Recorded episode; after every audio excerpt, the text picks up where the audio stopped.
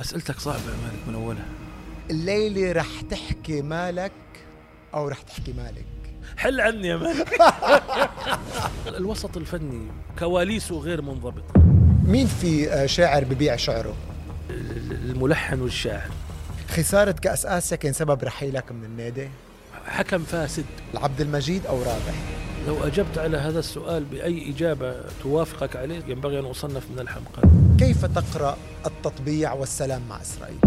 ممارسات إسرائيل الحالية تدعوني إلى تمني زوال إسرائيل. شو اللي غيرته بالرأي العام السعودي سمو الأمير؟ لن أتواضع وأقول لك أنه أنا والله على قد حالي ومش لا أنا شخص مؤثر. صادق الشاعر أو سهم؟ اعتراف؟ إنه آه، انعرفت في ناس بتقول الأغنية السعودية تنجدت. الألفاظ في نجد الآن ليست كالألفاظ في نجد قبل مئة سنة. نقطة قوة المملكة سياسيا اليوم. شعب عظيم وقيادة عظيمة.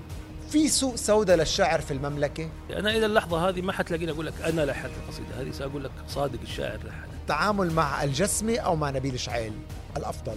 أشوف إنه الشيلات آه، ما هي فن راقي لأني ما أتذكر ولا شيء لأني أي دور لعبت آه، سموك مع مع محمد عبده تحديدا لما أعلن توبته ورجع عن هذه التوبة؟ شو يا أبو نورة؟ ما في تعابير مدرب ناجح أو لا؟ كنتائج لم ينجح سامي الجابر كمدرب الأقوى صوتا أصالة أو أحلام.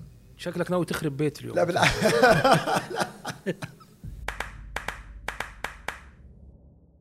سمو الأمير عبد الرحمن بن مساعد بن عبد العزيز آل سعود مساء الخير. مساء النور أستاذ مالك سعيد جدا إني معك اليوم. الله يخليك. شرف شرف إلي. وإلنا فترة آه، عم نحضر لهذا اللقاء المؤجل المنتظر. شكرا جزيلا لك وشكرا لثقتك يعني اليوم قبلت تكون ضيفي يعني آه، آه، مسألة القبول كانت حتمية لأنه أنا أعرف الأستاذ مالك مكتبي ولأي مدى هو متمكن إعلاميا فالقبول كان طبيعي جدا يعني. الله يخليك. شكرا لك سمو الأمير الليلة رح تحكي مالك أو رح تحكي مالك؟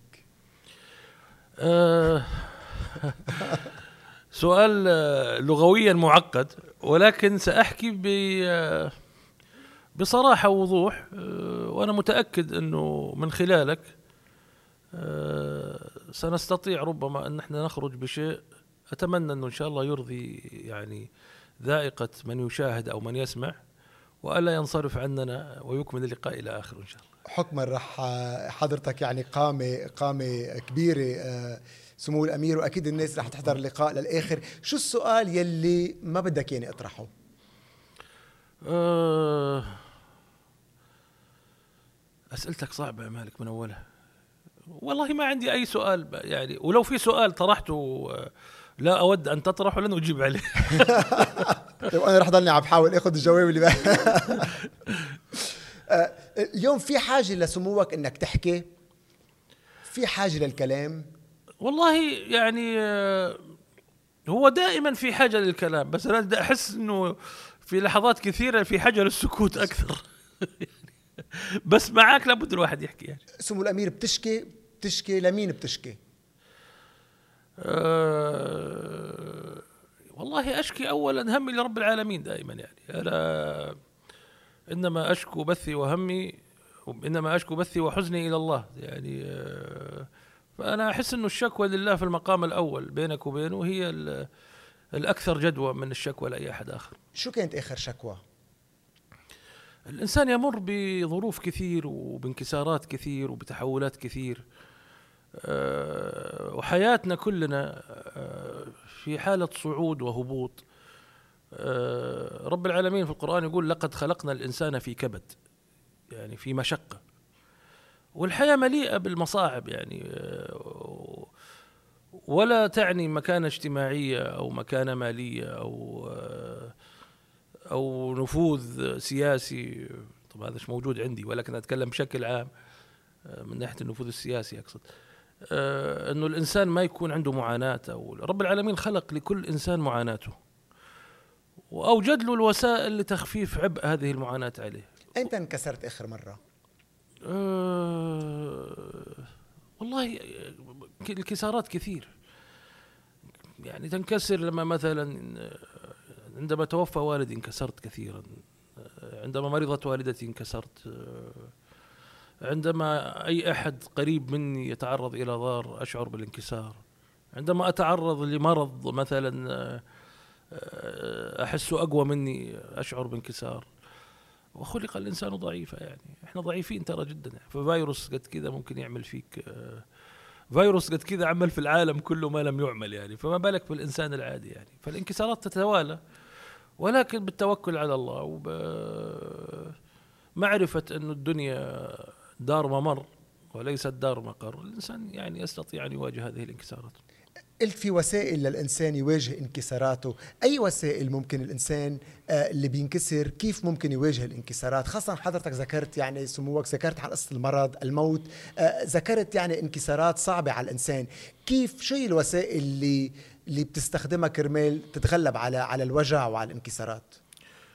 أول شيء إنه الإنسان يعني يدرك إنه كل شيء مكتوب. وإنه ما أصابك لم يكن ليخطئك وما أخطأك لم يكن ليصيبك. يعني إذا الإنسان أصبح عنده قناعة وإيمان إنه كل شيء مكتوب هذا يخفف عنه بالتأكيد الإيمان يخفف آه، عن الإنسان المصائب والانكسارات. نسأل الله أن يجعلنا مؤمنين يعني. آه، أو أن يمن علينا دائما بالقدرة على تحمل القضاء والقدر والصبر على المكاره يعني. لأنه هذا شيء أيضا مش سهل يعني. في ناس تنكسر ولا تستطيع أن تقوم من انكسارها. في مصائب أحيانا ممكن تهدم كيانات وليس آه، إنسان يعني عادي. فالصبر هو في المقام الأول. الأمر الثاني النظر إلى أنه أنا دائما مؤمن بحاجة. أذكر قصة دائما أرددها لأي أحد أحس أنه يعني يطلبني النصيحة وهو في حالة انكسار. ودائما عندما توجه نصائح لأحد ما تقدر تنفذها في نفسك الحقيقة. يعني يعني لما يكون أحد في حالة سيئة جدا أقول له قصة مأثورة ما أدري عن مين من الخلفاء أو من الحكام في سالف الأزمنة. يعني عندما أحضر وزيره وقال له أريدك أن آه، تصنع لي خاتم وتنقش عليه عبارة. إذا قرأتها وأنا سعيد أصاب بالغم وإذا قرأتها وأنا في حالة غم وهم أشعر بالسعادة. وكان هذا الخليفة أو الحاكم يعني آه، دكتاتور يعني أو قاسي يعني. وقالوا لك أربع أيام إذا ما جبت لي هالخاتم بالشرط اللي طلبته منك سأقطع رأسك يعني. فجاب له خاتم كتب عليه آه، أربع كلمات. هذا الوقت سوف يمضي. فإذا كنت في حالة سعادة هذا الوقت سوف يمضي. وإذا كنت في حالة حزن هذا الوقت سوف يمضي. سمو الأمير بأي مرحلة أه، بأي مرحلة من حياتك اكتشفت أو وعيت أنك أنت سمو الأمير وجدك هو باني ومؤسس المملكة؟ أنا نشأت نشأة يمكن مختلفة بحكم الظروف. أنا ولدت في باريس. كان والدي في باريس ووالدتي آه، في المستشفى الجامعة الأمريكية في باريس. تزال المستشفى قائم إلى الآن. وبعدين انتقلت إلى لبنان. عشت في لبنان إلين قبل بدايات الحرب الأهلية في ال 75 تقريبا. آه، ودرست هناك في مدارس المقاصد الإسلامية. عشنا كأسرة متوسطة ليست يعني ذات ثراء. أنا أذكر أن إحنا عشنا في عمارة اسمها عمارة نوفل في الروشة. عشنا في شقة. يعني كانت دور بس شقة يعني. يعني مثلا ما كانت فيلا مستقلة أو قصر أو بيت كبير. كانت شقة فيها أربع أو خمس غرف وصالة كبيرة وسفرة كبيرة. شقة يعني لأسرة تعتبر كأنها أسرة متوسطة إلى مرتفعة المستوى يعني. ما كانت حياة شاقة ولكنها لم تكن حياة مرفهة. يعني أنا هذا ربما أفادني التنقل بين مكان ومكان والعيشة في الطفولة حياة تقريبا كأي أسرة متوسطة ميسورة الحال نسبيا لأنه يسر الحال لم يكن واضح مثلا في السكن أو في السيارة أو في فعشت طفولة عادية. آه، ما كان للقب يعني إنه فلان يحمل لقب بحكم إنه جدي الملك عبد العزيز ما كان موجود في هذيك الفترة في الطفولة. لما رجعت الرياض حسيت إيش يعني يعني أنا أعرف من انه أبوي مساعد وبن عبد العزيز اللي مؤسس المملكة العربية السعودية الحديثة. ولكن ما لمست هذا الشيء يعني ولا عرفت إنه في شيء اسمه أمير يمكن إلا إلا في إلا وأنا في الرياض يعني لما رجعت الرياض سنة 75 يعني. هذا يمكن كان له تأثير في الشخصية بشكل أو بآخر يعني. أي حادثة بتتذكرها أنت وفي الرياض أنت وترجعت طفل في الرياض أي حادثة بتتذكرها اليوم خلتك تكتشف كأنك أنت طفل آه، غير باقي الأطفال؟ ما كانت واضحة للأمانة بس لأكون صريح يعني. لما رجعنا الرياض حسيت ب ب يعني أنا طف كطفل كنت كطفل بس حسيت إنه الاهتمام بوالدي يعني آه، في الرياض أكيد حيكون مختلف. عن الوضع في لبنان يعني يعني آه، وهو من هو مساعد بن عبد العزيز يعني. فطبعا تحس مع إن الوالد كان يعني يعني من يعرفه رحمه الله كان شديد الزهد يعني. أه ولكن تحس يعني المجتمع يعني يعاملك في نهاية الأمر إن والدك هو مساعد بن عبد العزيز ابن الملك المؤسس وأخو الملوك. وأولاد الملك عبد العزيز يعني ليس شيء آه، سهل في ال في ال في أو شيء يعني يمكن تجاهله أو أو عدم التركيز عليه يعني في بلد زي المملكة العربية السعودية. يعني هم اعمده أعمدة الحكم. شو الحادثة اللي بتخليك تتذكرها اليوم إنه خلتك تشوف إنك أنت طفل مختلف نوعا ما عن باقي الأطفال؟ والله ما صدقني ما في. يعني يعني ما حسيت انه انه إنه بالمناسبة أبغى أقول لك على حاجة. يمكن هذا الكلام يعني ما هو ميزة السعودية إنه وماني مبالغ يعني ما يعني صدقني ماني مبالغ إنه يعني إن كانت تتكلم. أول شيء أنا عندي قناعة بالمناسبة دائما أكررها. الأسرة الحاكمة السعودية آل سعود أسرة كبيرة. في رأيي دائما أقول المهمين منها أو النافذين منها آه، وأستثني من ذلك طبعا أولاد الملك عبد العزيز لأنهم هم أولاد الملك عبد العزيز. ولكن يعني ما عدا ذلك آه، المهمين هم اللي في آه، في المناصب وفي الأماكن الحساسة. الله يعينهم على مسؤولياتهم. باقي الأمراء أو باقي الأسرة أنا أحس ينطبق عليهم ما ينطبق على الناس. يعني ما يعني ما في هال هالنفوذ اللي الناس تتخيله إن كونك من الأسرة المالكة. يعني تتكلم عن أسرة مالكة كبيرة في العدد يعني. فبالتالي ما حسيت الحقيقة بفرق يعني ممكن يكون ملحوظ. يعني إن جيت للحق يعني. أحس إنها كانت فعلا طفولة عادية ما شعرت ابدا ما في يوم من الأيام شعرت إني أنا يعني متميز. ويمكن هذا جزء راجع منه للتربية. أبوي ربانا بطريقة إنه يعني إنه اللقب ما له معنى.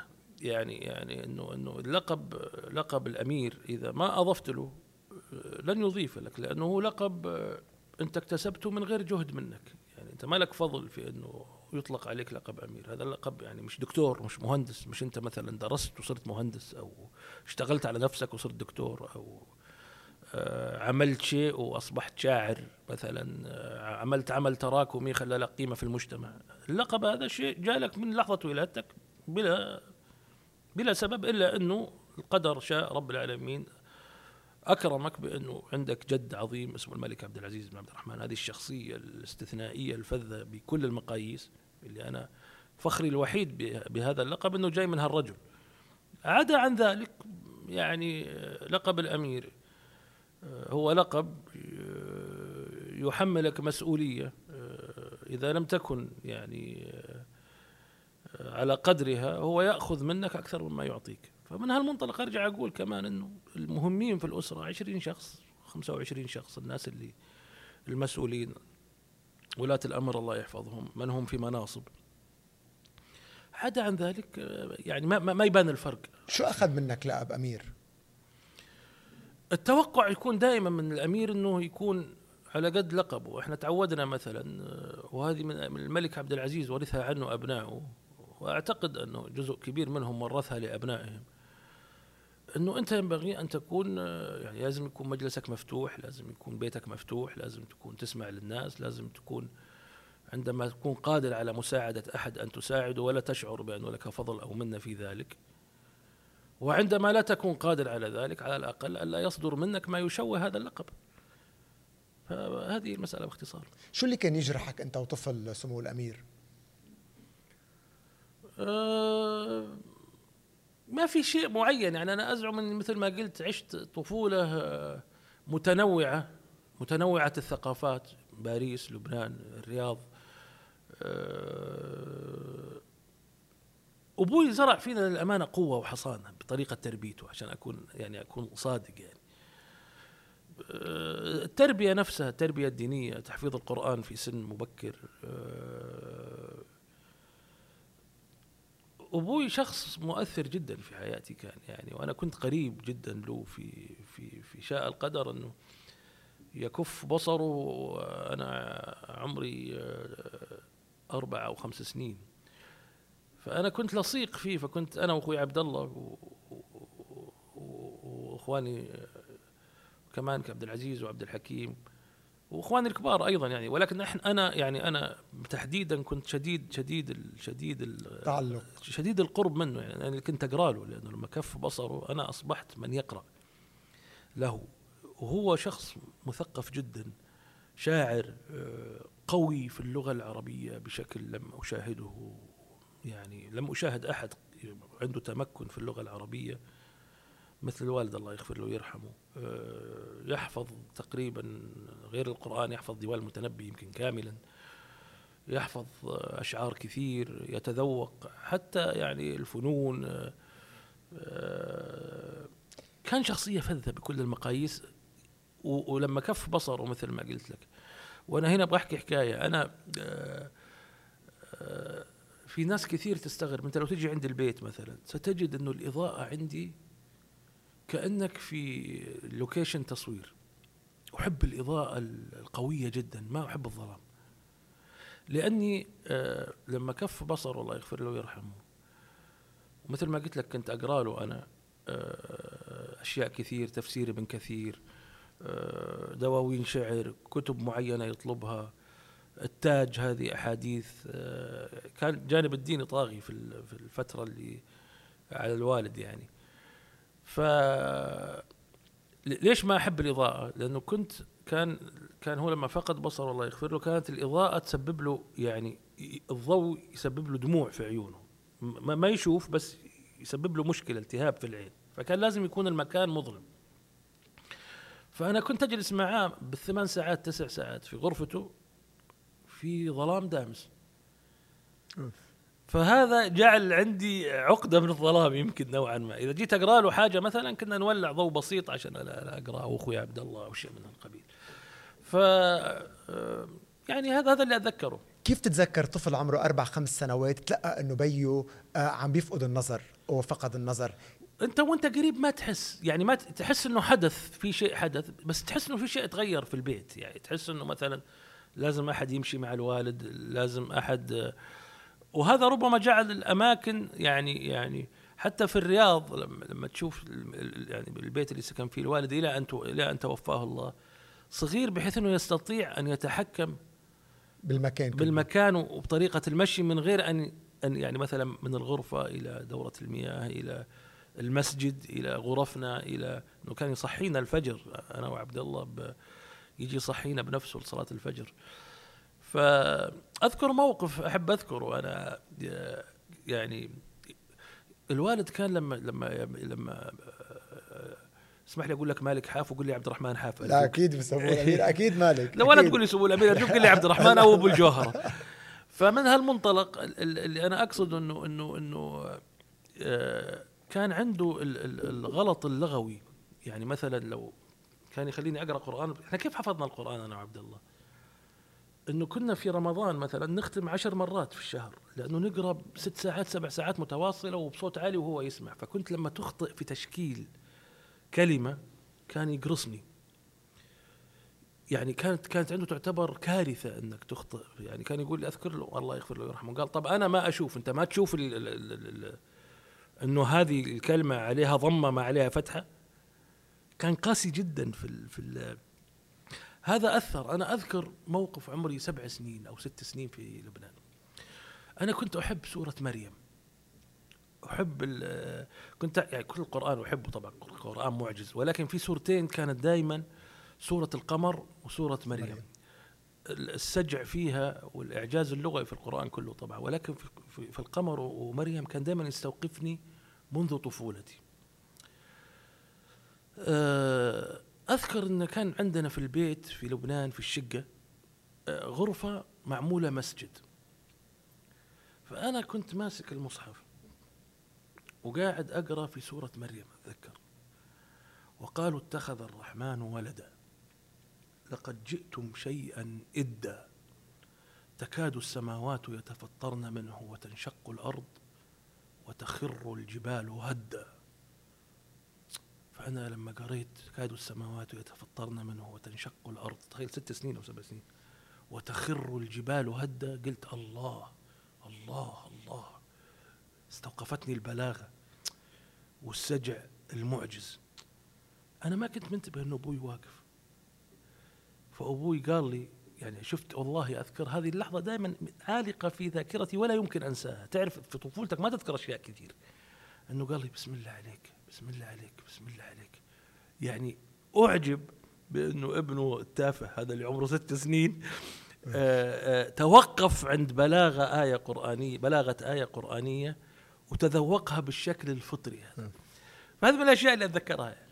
أي لحظة بتقول يا ريت الوالد كان بيبصر وشاف هيدي اللحظة مع ابنه؟ والله شوف أنا عمري ما فكرت كذا لسبب. لأني أحس إنه مهما عملت لن أكون قادرا أو لم أكن قادرا على إنه أثير اهتمام آه، أنا أعرف إنه هو يعني آه، يسعد عندما أحد أبنائه يعني يعمل شيء إيجابي أو أعرف إنه يحب شعري جدا أعرف إنه آه، يعني مثلا أنا أتذكر لما كتبت شبيه الريح وسمعها وسمع المقطع اللي فيه سنيني يم وقلبي المركب المتعب وانت الريح مجاديفي عذاب وهم. وزادي الوجد والتبريح وصبري صبر بحارة بغوا في اليم محارة غشاهم موج. كان من الغضب أغضب وكانوا للهلاك أقرب لولا كثروا التسبيح. طبعا في معنى إيماني عميق آه، اللي هو طبعا هذه جاية بحكم النشأة الدينية في القصيدة. فهو عجب الملمح الإيماني ودخوله في أغنية. فكان جدا مبسوط. يعني هذا أذكر من الأشياء اللي حسيت أنه فخور فيها. طبعا هي جاية من منطلق أنه دائما لما الواحد يكون في كرب ويسبح آه، ينجلي عنه الكرب. جاية من قصة سيدنا يونس فلولا أنه كان من المسبحين للبث في بطنه إلى يوم يبعثون في الحوت في بطن الحوت لما قال لا إله إلا أنت سبحانك إني كنت من الظالمين. فدخول هذا في القصيدة حسيت إنه كأنه أبوي يقول إنه تربيتي في هالولد نفعت. يعني حتى لما دخل في الشعر وفي الأغنية في نزعة دينية موجودة في ال في, ال ولا أدعي بالمناسبة. على فكرة في ناس كثير لما تشوفني أتكلم وأقول آيات أو يعني أتطرق لمسائل دينية إني أدعي الصلاح مثلا أو إني أنا شخص لي خطاياي الكثير اللي ربي ساترها علي يعني وبعضها ربما يظهر للناس. ولكن في وازع ديني موجود بحكم النشأة والتركيبة. ولكن لا لا بالتأكيد لا أدعي الصلاح. ومن يدعي أنه هو دين يعني أو متدين بالتأكيد أنه أبعد ما يكون عن التدين. أولى بوادر الموهبة مين اكتشفها؟ أنا عندي موهبتين كانت. أه الموهبة الأولى اللي سبقت الشعر الموسيقى. أنا كان عمري سبع سنين أو ثمان سنين وأقول قلت الكلام هذا كثير. كنت أروح في السيارة أيام الكاسيت. وكان في حاجتين ما أدري أنت مالك مواليد سنة كم؟ أنا مواليد 80 لا أنا قبلك 13 سنة. كان طبعا غير الكاسيت كان في حاجة اسمها إحنا لحقت على الأسطوانات أصلا. أنا الكاسيت. أه، ولحقت على الكاسيت وكان في حاجة اسمها كذا cartridge كاسيت كبير في السيارات الأمريكية اسمه cartridge فيه أربع track. يذكرها يمكن الجيل جيلنا يعني. آه، أنا كنت أروح المدرسة. آه، كنت أروح المدرسة الساعة يعني الصبح وأسمع سلو كؤوس الطلا هل لامست فاه أم كلثوم ورياض الصنباطي وأحمد شوقي. مين طفل عمره ثمان سنين يتذوق قصيدة بهال بهال بهالوزن؟ بها يعني بهالقيمة وبهال بهال دائما أقول ذوقي ذوق شايب كان من من من, من صغري. فأنا ما أدري إيش كان أول السؤال. كان الموهبة كيف اكتشفت موهبة؟ إيه؟ الشعر في موهبة الموسيقى, الموسيقى اولا؟ الموسيقى. لما رحنا لما كنا في المقاصد الإسلامية كان مدرسة المقاصد الإسلامية كان في آه، حصص موسيقية. حبيت البيانو وتعلمت بيانو لمدة سنتين في المقاصد الإسلامية. فبان إنه في موهبة موسيقية في سن مبكر. أعقبها لما جيت الرياض ودخلت مدارس الرياض. جانا آه، دكتور مصري اسمه الدكتور فكري سليم الله يرحمه ويغفر له. كان غير إنه يعني كان أستاذ عندنا وكان عندنا نشاط موسيقي في مدارس الرياض وقتها وكانت من المدارس القلائل يعني أو من المدارس يعني المدرسة تقريبا هي ما أعتقد كان في غيرها في نشاط موسيقي بحكم إنه الجو كان محافظ وقتها يعني. آه، المدرس هذا الدكتور فكري سليم كان متخصص في علم النغم. في المقامات. فأصبح صديق برغم فارق السن وشربني المقامات هذه يعني تقريبا درست دراسة أكاديمية من غير أكاديمية. لدرجة أنه أعطيك مثال. سنة آه، آه، بداية معرفتي بالفنانة أنغام كانت في الثمانينات 89 90 عزمني والدها آه، محمد علي سليمان ملحن مشهور في بيته. وكانت أنغام وقتها في المعهد الموسيقى العربية وكان في عندها اختبار اسمه اختبار التحليل الشرقي أو حاجة زي كذا. فجابت لي ورقة الاختبار حليتها كلها. يا تقريبا دارس دراسة أكاديمية كنت في الموسيقى يعني. والغريب في الأمر إنه كنا في حفلات مدارس الرياض كانت تشتهر حفلات مدارس الرياض بالاحتفالات الختامية اللي يحضرها مثلا كان يحضرها الملك فهد الله يغفر له. أو الملك عبد الله أو الأمير سلطان الله يرحمهم جميعا. يعني كان دائما يحضرها علية القوم وكانت حدث تعتبر ثقافي بالنسبة لمدارس وكان فيها أناشيد وكان فيها أنا كنت يعني كان في تضارب ربما نوعا ما. كنت أنا اللي أقرأ القرآن في افتتاح الحفل وبعدين على طول يكون مشارك في النشيد اللي بعده عازفا على العود فكانت فيها نوع من ال يعني الازدواجية يعني نوعا ما يعني. فالموسيقى بدأت أولا. وابوي شاعر أنا أحب الشعر. كنت أقرأ المتنبي من صغري مثل ما قلت لك. أتذوق القصائد من اكتشفت موهبه الشعر وأنا عمري 16 17 يعني.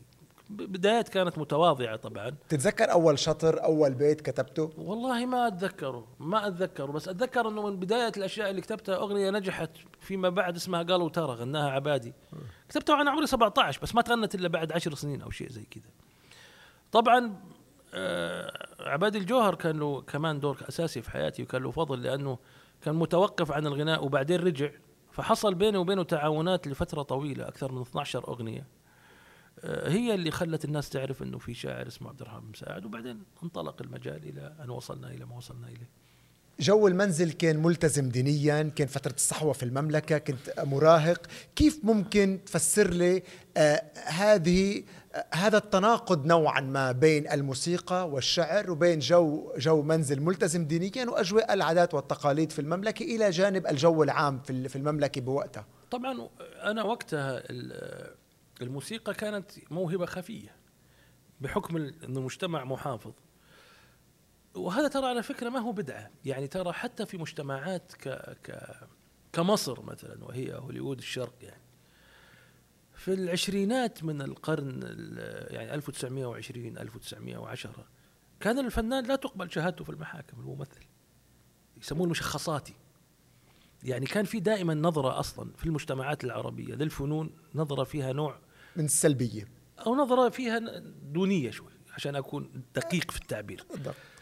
فما بالك في مجتمعات أكثر محافظة في, ال في ال يعني مجتمعات أصلا طبيعتها المحافظة يعني بعيدا حتى عن الدين يعني تحكم إنه على العادات والتقاليد العادات والتقاليد هي جرأة كان وقتها خروج عن الواقع. لا هي كانت موهبة خفية يعني موهبة في الخفاء يعني ما كانت موهبة ظاهرة. الشعر عندنا ما في مشكلة. الشعر يعني يعتز فيه إنك تكون شاعر ما هو شيء يخفى يعني. يعني يعني طبعا إذا كان عندك موهبة موسيقية وكنت من من من الأسرة كمان كان هذا أمر كمان شديد التعقيد يعني كمان. يعني إحنا ما إحنا في الوقت الحالي الآن اللي فيه دعم للثقافة أو للفنون وتقدير الفن بشكل كان الوضع مختلف تماما وقتها. مع أنه يعني خليني أحكي موقف آه، يعني الوالد كان متشدد دينيا.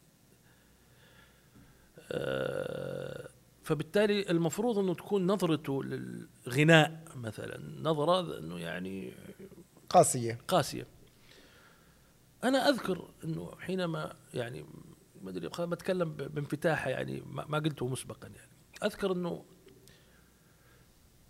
الوالد كان آه، آه، لما فقد بصره يعني يا أما أحد يقرأ له أنا أو أحد من إخواني أو الإذاعة دائما الراديو رفيقه دائما.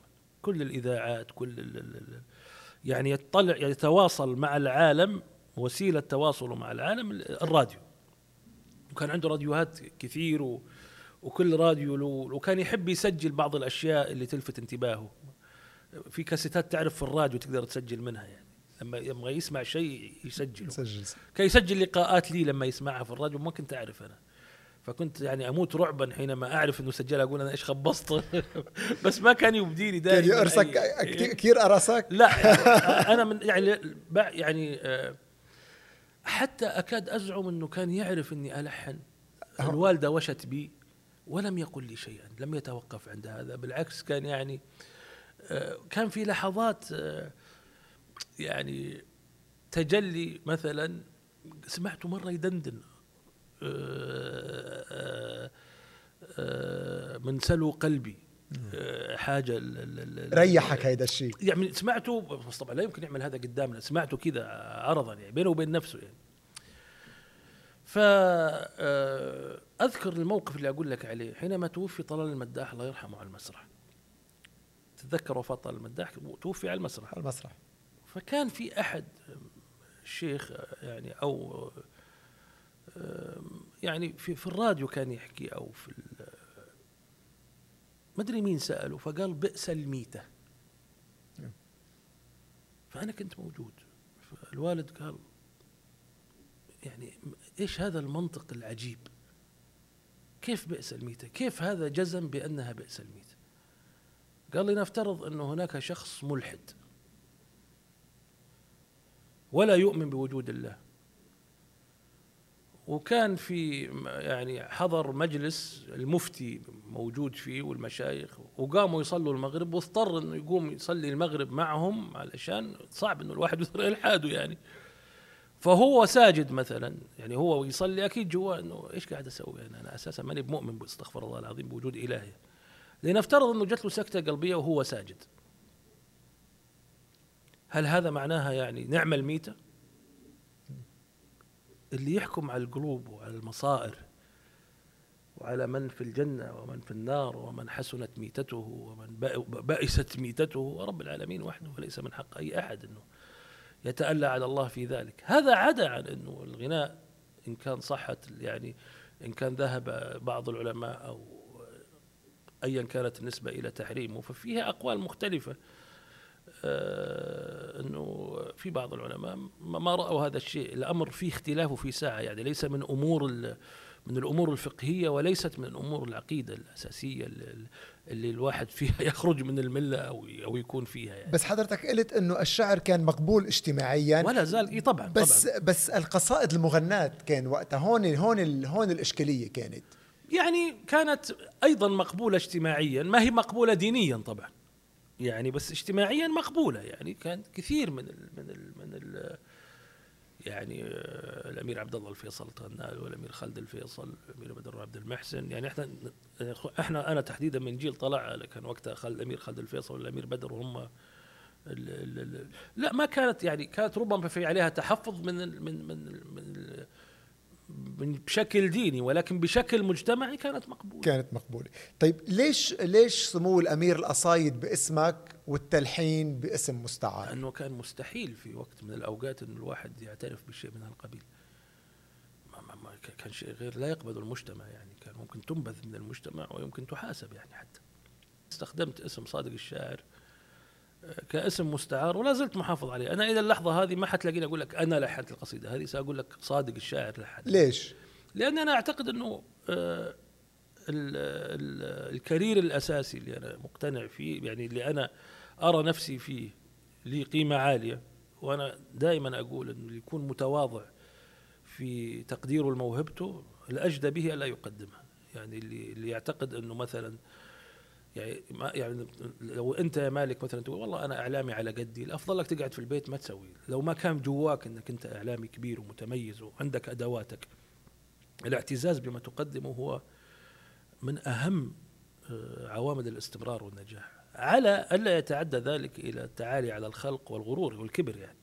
ولكن ينبغي أن يكون عندك اعتزاز بموهبتك. أنت تشوف المتنبي لما لما يمدح أحد لما يمدح سيف الدولة ولا يمدح دائما يشيد بموهبته ويشيد بحجم لأنه كان مثلا لما يعني تعرف لما لما تمدح أحد عظيم مثلا وهذا دائما يجي في دائما أقولها يعني. آه، أسخف شيء إنك تيجي تقول لأحد أنا والله بهدي لك قصيدة متواضعة. إذا بتهدي لي قصيدة متواضعة ليش تهديها؟ خليها عندك. يعني لازم تكون معتز بما بما تفعل. تعمل فمن هالمنطلق يعني آه، الموسيقى بالنسبة لي والتلحين هي مجال آخر. أنا لا أود أن يطغى على الشاعر. والموسيقى بالنسبة لي أنا أراها آه، هواية مع تمكني الشديد منها ك ك ك- كدراسة يعني بس هي الموهبة الأساسية عند هي حضرتك. الموهبة ال- مش هي- الأساسية هي الموهبة الأولى الأولى الأس... إيه. يعني الأولى, الأولى. ولكن الموهبة الأساسية اللي أصبحت أساسية هي الشعر لأن أنا رسمت خط خاص لي في الشعر لي شكل في الموسيقى كصادق الشاعر بس أنه يشبه مدارس قديمة سابقة طيب ليش كل هالسنوات ما كنت ما كشفت إنه صادق الشاعر هو هو هو حضرتك؟ لأنه ال- التلحين كان تهمة كان في خوف أو فقط بس شوف، ما الوسط الاسم الوسط الفني بشكل والموسيقي. هناك تصور آه، مجتمعي إنه آه، غير منضبط. آه، كواليسه غير منضبطة. كواليس شو تحديدا؟ ال- ال- الفن الغناء؟ الغناء والفن في كواليس وهذا على إطلاقه غير صحيح. لأني أنا يعني مثلا خليني أقول لك الناس اللي أعرفهم كلهم. يعني مثلا كان عبادي الجوهر إن كان محمد عبده إن كان طلال المداح الله يرحمه إن كان يعني أشهد الله أنهم كانوا مثلا يحافظون على الصلاة في وقتها. لما نكون في استديو مثلا ويجي وقت الصلاة يقولوا قبل نص ساعة نوقف عشان نصلي. محافظين على على على شعائرهم آه، فيهم قرب من الله يعني ولا أزكي على الله أحد يعني فبس في بالمجمل انطباع انه الوسط الفني بكواليسه آه، مرتبط بسلوكيات آه، تبدو بعيدة أو هي بعيدة عن الدين في بعض الأحيان.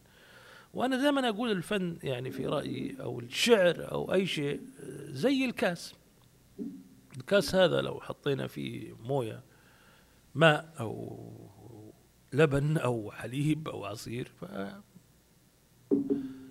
بينما لو وضعنا فيه خمر هو حرام. سمو الأمير شو البيئة؟ أي بيئة أو أي ظروف خلت صادق الشاعر يعترف يقول هو مين بعد كل السنوات بالظل واستخدام اسم مستعار؟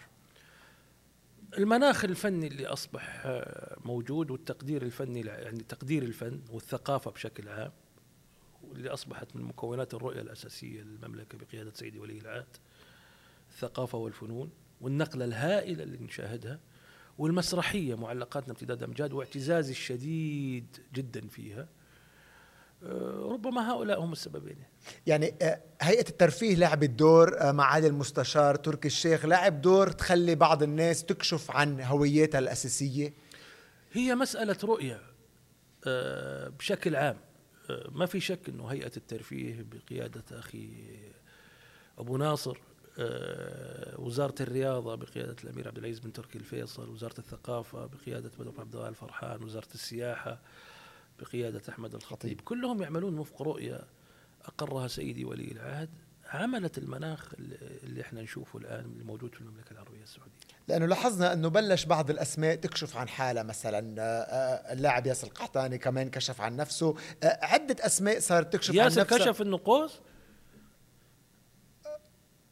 اعترف إنه انعرفت. انعرفت بس هو اعترف؟ هو انعرف يعني انعرف من خلال من خلال اللي عم بيصير. أتمنى إنه يكون اعترف. ياسر اعترف إذا ما اعترفت أقول له أنا يعني بس عموما بشكل عام مثل بس ليش ليش مثلا شخص مثل ياسر مش ممكن يعترف؟ يعني بهيدا الجو الجديد اليوم. ما أدري أنا أستغرب إذا كان يعني طبعا أنا أزعم إنه ياسر هو قوس يعني أو أكاد أكون متأكد يعني. هو شاعر موهوب.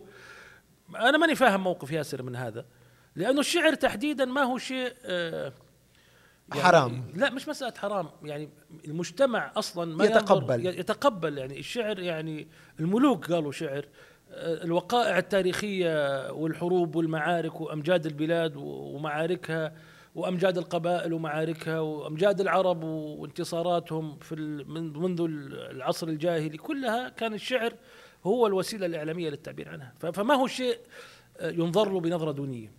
فاستغرب إنه أحد يعني ممكن يكون أحد يلجأ لاسم مستعار لأسباب أخرى ولكن ليس لأنه ممكن ينظر له نظرة دونية إنه شاعر شو بالتأكيد. شو محضر ألحان الصادق الشاعر؟ والله في أعمال في أعمال مقبلة آه، لمين؟ في الكذا أحد والله في الكذا أحد في الأميمة في آه، عمل إن شاء الله يكون مع محمد في آه، عمل مع ماجد المهندس في الأصالة إن شاء الله في في في كذا في كذا شيء. أي دور لعبت آه، سموك مع مع محمد عبده تحديدا لما أعلن توبته ورجع عن هذه التوبة؟ أي دور لعبت؟ شو بتخبرنا عن هذه عن كواليس يعني أبو نورة عن توبة أبو نورة وعودة أبو نو- أبو نورة؟ أي دور حضرتك لعبت؟ ما أبغى أتحدث عن شيء يخص محمد هو الأجدر بالتحدث عنه لكي لا يعني أكون مبررا لشيء أو منتقدا لشيء. يعني ولكن اللي هو أكيد من جهتي أنا أنه محمد عبده لما توقف عن الغناء من سنة 90 أظن إلى 93 كانت آه، ومحمد عبده أنا بالنسبة لي دائما أقول عنه فنان يليق بعظمة بلاده. يعني آه، فنان غير غير عادي فنان عبقري بكل المقاييس من من من من ال من ال الفنانين اللي تفتخر فيهم المملكة العربية السعودية يعني بدون جدال يعني. يعني نصحته يرجع؟ لا اللي حصل إنه لأنه فنان كبير. كان أنا أصلا تعاونت مع محمد عبده في أغنية وطنية اسمها قبلوا تراب الوطن عام 90 كان أول تعاون بينه وبينه. وكان في صداقة وعلاقة آه، يعني في معرفة وصداقة شخصية عزمني في بيته آه، وهو متوقف آه، ويعني نعرف بعض أصدقاء يعني. وعزمته عندي كذا مرة يعني فكانت والدته الله يغفر لها ويرحمها ويسكنها فسيح جناته آه، تعالج من مرضها الأخير في مستشفى الملك فيصل التخصصي في الرياض وكان محمد عبده موجود فكلمني قال لي يا أخي ارسل لنا عشاء المستشفى آه، نبغى ناكل أكل زي الناس شو أرسلت يمزح. له؟ شو أرسلت له؟ يعني عندنا آه، طباخة متميزة الله يغفر لها ويرحمها شو قلت له الطباخة؟ قلت لها وصيتها طبعا آه، يعني فأرسلت عشاء لمحمد فقال شو العشاء؟ قبل شو العشاء؟ والله شو, شو بحب نورة؟ يا- هو أرسلت له ما نحب إحنا مش ما يحب هو طيب شو بتحب سموك؟ لا أنا الطباخة كانت تتقن الأكل الشامي أكثر هي من أصل فلسطيني كانت تعمل حاجة اسمها تعرفها أكيد فتة المكدوس وورق العنب وال وال وال والفتوش و ورز بسترغانوف يعني كان عندها عندها نفس في الأكل هائل. وطبعا عملنا أكل سعودي يعني أرسلت عشاء أزعم إنه يعني إنه يليق بمحمد يعني. فكلمني شكرني قال لي بمرك البيت. فجاني في البيت قال لي إيش عندك أعمال جديدة؟ فطبعا أنا لما محمد يعني كنت محترم رغبته في التوقف فما كنت أنا دائما يعني أجيد إني ما أحب أتجاوز حدودي مع أحد. يعني ما أحب إني أنا فيني طبع اللي هو الفضولية هذه أحس إنه عيب إنك تتطفل على شخص ب ب إلا إذا كانت العلاقة تسمح بذلك 100% يعني يعني ممكن تتطفل مع أخوك مع أحد أنت متربي معاه مع أقرب أصدقائك وهذول ينعدوا على أصابع اليد الواحدة اللي ممكن الواحد يسمح لنفسه بممارسة دور الفضول وحشر أنفه في قضاياهم. ولكن عامة الناس مهما حتى لو كانوا أصدقاء وزملاء أنا في رأيي عيب إنك يعني يعني مثلا هو متوقف ما ممكن أقول متى حترجع وليش ما توقف؟ لا كنت عامله كمحمد عبده الصديق. بس هو لما قال لي إيش عندك؟ أعمال أنا أفكر إني أنا قررت إني أرجع. أنا تعمدت إني لا أبدي ردة فعل اعتبرت إنه كأنه ما توقف ما ناقشته في الموضوع. قلت له عندي نص اسمه البرواز وملحن وجاهز و... قال لي أسمعه فسمعته إياه. محمد عبده من النوع اللي لما يسمع شيء عنده طبع قاتل للملحن والشاعر. إنه لا يبدي تعابير عن إعجابه ولا عن عدم إعجابه. يعني يسموها مثل ما يقولوا poker face poker face إيه poker face بالضبط. ف خلصت الأغنية. شو يا أبو نورة؟ ما في تعابير قال لي عيدها مرة ثانية. شعرت بالاطمئنان. عيدها مرة ثالثة. قال لي خلاص أنا بغنيها طبعا هذا بالنسبة لي انه كانت أول مرة محمد عبده يغني له وحيغني لي لما يرجع. البرواز كان سنة 92 وقد كان. المرة الوحيدة اللي اللي اللي, اللي محمد عبده عبر فيها عن إعجابه بعمل كانت في شبيه الريح. كلمني مكالمة مدتها نص ساعة يشيد ويشكر بكل تفاصيل الكلام واللحن ولدرجة إني شكيت إنه أحد يقلد صوته كان. محمد لا يبدي انطباعه. محمد إذا قال لك بغنيها اعتبر, إنه هذا كل المديح اللي في الدنيا يعني. طيب ما قدرت تعرف ليش اعتزل وليش رجع؟ منه لا. تقديرك. لا أود الخوض في هذا الأمر. بس حضرتك عايشت هذه المرحلة. يعني عايشتها محمد عبده أبو نورة فنان كبير ويمكن الناس بتحب تعرف يعني عن هذه ال- هذه القامة الفنية الكبيرة. صحيح. شو اللي خلاها ترجع؟ أفضل أنه يعني تسمح الظروف أنه يكون محمد عبده في هالكرسي وتسأله. أنا لا أحب الخوض في هذا الأمر. قراءتك قراءتك. ولا أحب أني أقول قراءتي في الأمر، أمر يخص محمد عبده. وكويس أنه رجع لأنه محمد عبده فنان يجب يجب أن يكون دائما موجود. الله يعطيه الصحة والعافية. نصحته يرجع؟ لا لا. أبدا؟ ابدا مثل ما قلت لك. هذا اللي حصل فقط؟ بس. طيب اليوم في سوق سوداء للشعر في المملكة؟ بمعنى؟ آه، قصائد بتنشرى وبتنباع؟ موجود في كل وقت وكل عصر وكل حين. كيف بتصير؟ كيف كيف بتصير؟ مين ببيع لمين؟ يعني أكيد إنه في بايع ومشتري مش هيك عم بسألك مين مين ببيع لمين؟ أو مين بيشتري من مين؟ يعني عادة في آه، شعراء آه، لا يرون غضاضة في إنهم يبيعوا إنتاجهم لأشخاص يبحثوا عن الشهرة لا يمتلكوا الموهبة. طبيعي موجود. بس ليش؟ الشهرة يعني يعني مع إني أنا ما أرى إنه ميزة إنه يكون اسم يعني لك لقب شاعر. الميزة إنه يكون إنك تكون شاعر مختلف. شاعر عندك قيمة تقدمها. آه الشعر زي اللقب برضه ما يضيف لك إذا ما أضفت له. إذا ما كنت يعني إذا ما لك شخصية. والشعر بالنسبة لي أنا أيضا هو آه خيل امتطيه لأصل إلى هدف. اللي هو؟ مكانة بارزة في مجتمعي والتأثير فيه. لأنه أنا دائما أسأل أقول المفروض الواحد لما يعمل أي شيء يكون عنده سؤال أنت ليش بتعمل هذا الشيء؟ المتنبي لو ما كان عنده طموح عظيم ما كان أصبح شاعر عظيم. يقولون لي ما أنت في كل بلدة ما أبتغي ما أبتغي جل أن يسمى. في طموح يحركه يقول شعر عظيم. ليش حضرتك بتكتب؟ أكتب لأكون مؤثر في مجتمعي. لأعبر عن ف... عن بعض فكري من خلال شعري.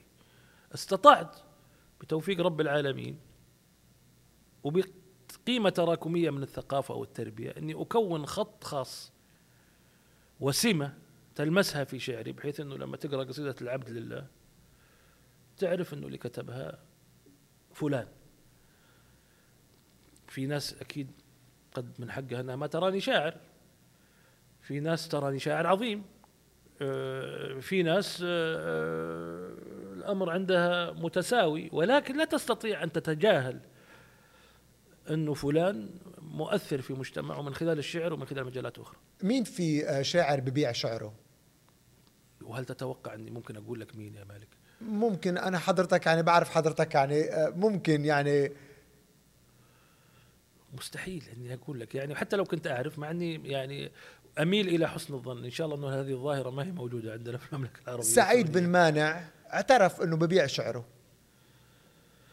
والله بما انه سعيد بن مانع اعترف فلا مانع من إنه غيره ما يعترف.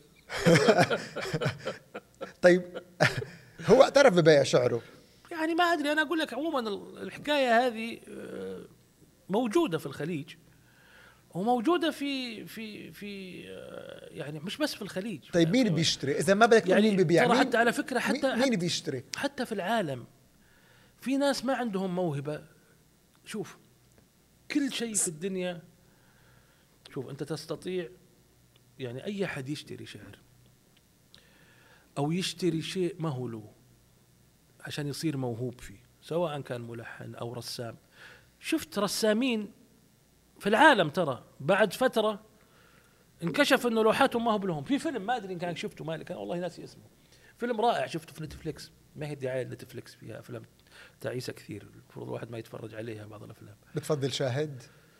إيه لأنه نتفليكس أحيانا إقحام إقحام فيها موضوع يعني مواضيع معينة من غير لزمة أجندة ماني حابها. بس بغض النظر عن هذا في فيلم شفته عن رسام كانت زوجته هي اللي ترسم له. آه هو عنده عنده قدر من موهبة الرسم بس زوجته هي اللي كانت وكانت شخصية بيتوتية تماما وست بيت وما تبغى تظهر بالصورة ولا تجيد التعاطي مع الإعلام.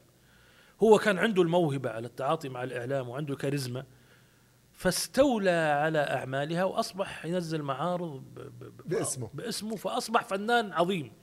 إلى أن اختلف هو وهي وقرروا الانفصال فجابوه في المحكمة فطلبوا منه يرسم لوحة في ال...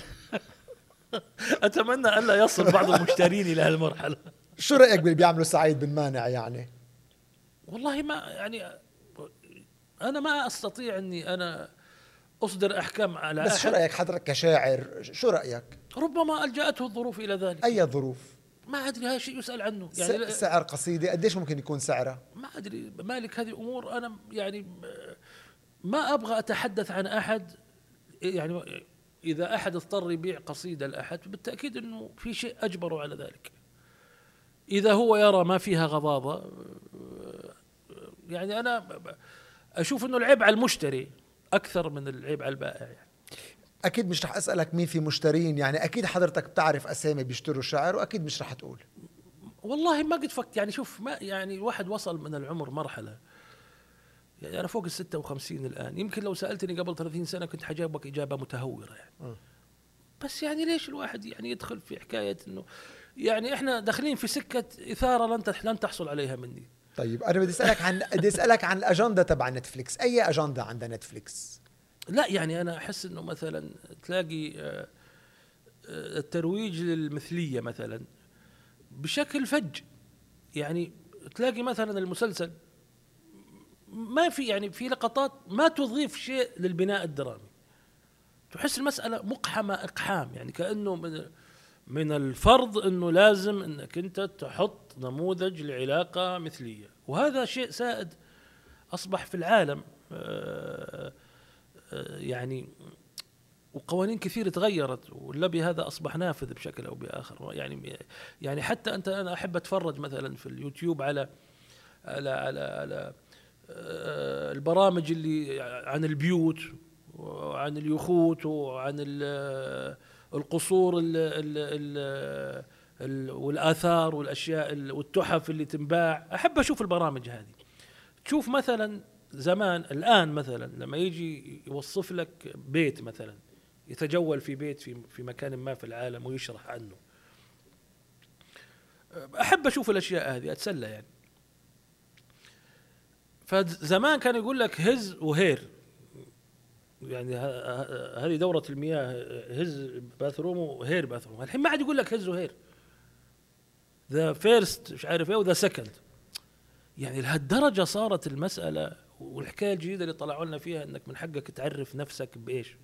اللي يعرف نفسه انه موزة واللي يعرف نفسه إنه يعني في جنون آه، يستشري لا أدري سيذهب بنا إلى أين.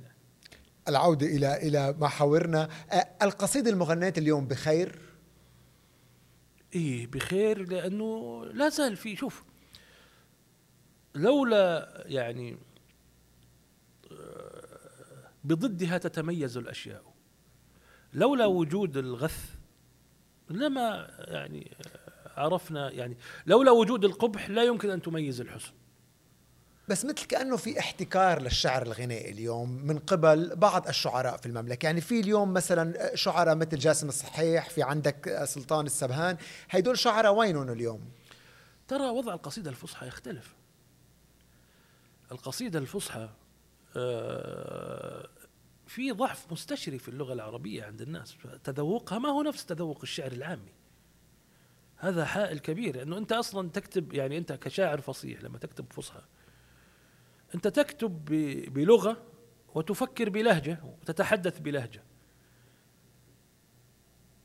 آه، وأرجع أقول اللغة العربية آه، الضعف فيها كبير عند المتلقين. بس ما بتشوف في احتكار الاملاء الاملاء بس في احتكار للشعر من من من, من بعض الشعراء. يعني في كتير شعراء اليوم ما قادرين يوصلوا ما قادرين يعطوا كلام آه، لأنه بيقولوا في احتكار من قبل آه، شعراء ما فيهم يقربوا. يعني ترى هذا إن كان في الأغنية ممكن يكون صحيح. نعم في في- في القصيدة المغناة. القصيدة المغناة نعم. صحيح لأنه السوق له متطلبات أصبحت السوق الغنائية لها متطلبات. طبعا في شعراء خرجوا من عنق زجاجة أنك تزج فيهم في اتهام زي هذا. وهم شعراء ينعدون على يعني عدد أصابع اليد الواحدة أو اليدين يعني. وفي نموذج آخر اللي هو آه، يعني في شعراء ناجحين. في الأغنية يعني أغانيهم يعني مثلا خلني أضرب مثل بقوس مثلا نجحت أغاني كثير له فأصبح شاعر مطلوب فطبيعي أنه يلجأوا له المغنيين وفي شعراء كبار يعني يعني يعني مثلا لما يجي واحد مثلا ياخذ قصيدة من بدر عبد المحسن هل احد حيقول له ليش بدر عبد المحسن؟ يعني يا بختك ويا سعدك ويا هناك إنك أخذت بدر عبد المحسن أو خالد الفيصل أو العبد لله يعني. في ناس بتقول الأغنية السعودية تنجدت آه، نجد جزء من السعودية يعني يعني يعني وحتى التنجد اللي إن كان إن كان قيل يعني إن كان يقصد إنها أصبحت إقليمية ومحصورة بمنطقة نجد. نعم. الألفاظ في نجد الآن ليست كالألفاظ في نجد قبل مئة سنة. يعني هون السؤال أين القصائد الجداوية؟ أين أين المواويل الحجازية؟ وينهم اليوم؟ يعني هو هذا ناتج عن قصور من يعني أو عدم ظهور آه، مواهب شعرية توازي إبراهيم خفاجي الله يرحمه مثلا. معقول ما في؟ لا أكيد في بس ممكن لكن- ما- لقوا فرصة يمكن. في سعود سالم مثلا متميز في في فهي مسألة إنه يكون في آه، وهذا السؤال يوجه لل- لل- لل- للعنصر الأهم في الأغنية. مين العنصر الأهم في الأغنية؟ المغني. المطرب هو بطل الأغنية. بتوافق إنه الأغنية السعودية تنجدت؟ بتوافق على هذه المقولة؟ لا بس حتى لو تنجدت ألفاظ نجد الآن ليست ألفاظ نجد المغرقة في المحلية قبل مئة سنة. يعني ألفاظ نجد الآن تقريبا تقترب للهجة البيضاء السعودية إنجاز التعبير. مفهومة في كل مكان في المملكة يعني. والمناطق تقريبا لهجتها تلتقي في في في أصبحت في يعني تقرب البعض. فبالتالي أنا لست مع هذه المقولة. ولكن ولكن في هوية يعني جدوية آه، مش ما بقى موجودة ما بقى العالم عم تسمعها. أنا أحيانا تلاقي تلاقي في بعض قصائدي مفردات حجازية. آه، مثل ما قلت لك اللهجات تقرب من بعض.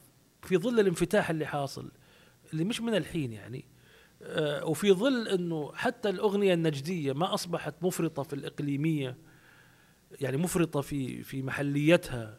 زي قبل مئة سنة و50 سنة. لا صارت تقرب للمناطق الأخرى بحكم الإعلام والانفتاح والآن صار الموضوع أكبر. فبالتالي لس- لست مع هذه المقولة لا. كيف تصنف الشيلات سمو الأمير؟ آه، فيها أشياء جيدة بس ما أميل لها كثير. هو فن؟ هي عند الناس يعني أنا برضو أرجع أقول لك وصلت إلى سن إني أقتنع إنه ليس من حقي أن يعني ما أراه ذوقا خاصا لي إنه هو هذا هو الصحيح. لا بس تعتبره فن؟ الجيد منه هو فن ولكن الجيد منه في رأيي قليل في رأيي ال- ال- ال- ال- ال- الغير متواضع. يعني مش موجود. الجيد منه فن إذا في أي شيء يعني ممكن تلاقي شيلة فيها إبداع فني هائل بس في المجمل ما أسمعه من الشيلات آه، فن هابط. لا مش هابط. مش فن بالمرة. هو تحايل على أنه يعني أنه هذه ما هي أغنية هذه شيلة. مع أنه كل مقومات الأغنية تستخدم فيها من ناحية التسجيل. في كيبورد يتسجل عليه. في آه، يعني نفس مطبخ العمل الفني اللي ينعمل في الأغنية هو اللي ينعمل في الشيلات.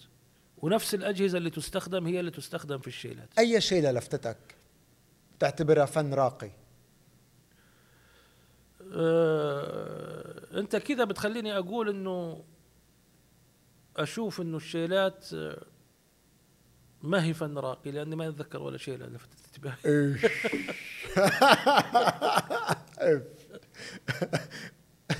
انت قلتها حديتني شو أسوي؟ حل عني يا مان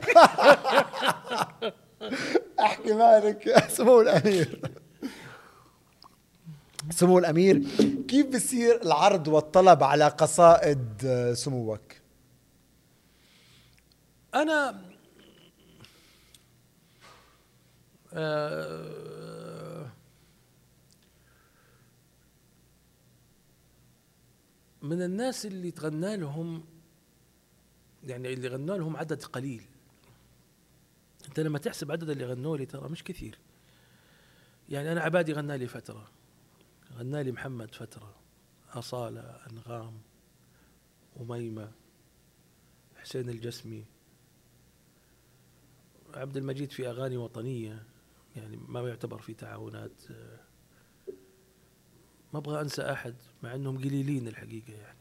عايض غنالي فؤاد عبد الواحد غنالي من الشباب. آه، كاظم غنالي أغنية. نوعية أغاني لها سمة معينة وأنا من النوع اللي لما يرتاح في التعامل مع أحد يستمر في التعامل معه. فبالتالي تنشأ علاقة يعني أنا مثل ما قلت لك اللي خدمني إنه عبادي كان صديق وهو اللي عرفني للناس وغنى لي 12 أغنية أو 14 أغنية ورا بعض ما غنى لي إلا هو من سنة 86 إلين 92 فأنا انعرفت من خلال عبادي كشاعر. غنائي. وبعدها محمد فدخلت من فترينات كبيرة إلين ما أصبحت أطلب. يعني هذا من حسن الحظ يعني انه إنه يعني آه، آه، كنت محظوظ. في تسعيرة لقصيدتك؟ المفروض آخذ عليها فلوس والله. قديش؟ ما ما الحقيقة ما أطلب بس أنا أرى إنه الشاعر يجب أن يأخذ أجر على قصيدته. قديش ممكن تسعر قصيدة من قصائدك سمو الأمير؟ والله ما عمري ما فكرت بهالموضوع. بس أنا أنظر لها من شقين إني أنا أراها أقيم من أن تسعر وفي نفس الوقت كمان أرى إنه المفروض إنه الفنان يدفع آه، للشاعر قيمة ما ولكن إن جئت للحق يعني وللأمانة كمان القيمة الاجتماعية اللي الناس تسبغها عليك اللي أنا بالنسبة لي يعني لا أراها شيء يعني مهم مثل ما قلت لك يعني آه، أرجع أقول لك يعني حكاية اللقب هذه يعني أنا عمري ما استخدمته. يعني ما يمكن أقول عن نفسي مثلا أو أعرف عن نفسي أو أكتب آه، الأمير فلان أو مش عارف يعني هذا إذا الناس نادتك فيه آه، يعني ممكن تتقبله بس إنك تعرف نفسك فيه هذا أمر سخيف يعني. ولكن يعني ربما القيمة الاجتماعية تجعل من الصعب أنك أنت فلان بن فلان بن فلان بدك تحط سعر. أنك تحط سعر يعني مع إنه أنا ما أشوف فيها شيء بالمناسبة. تقريبا إذا بدك تحط سعر قديش ممكن نحط سعر أشوف أعلى واحد حط سعر وححط سعر أعلى منه. يعني قديش؟ قديش أعلى سعر اليوم؟ يعني لقصيدة ممكن والله ما أدري على الأسعار ما أسأل بس بالسوق. أنا بقعدك إني أنا أسأل في السوق ولو قررت أحط سعر ححط سعر أعلى منه.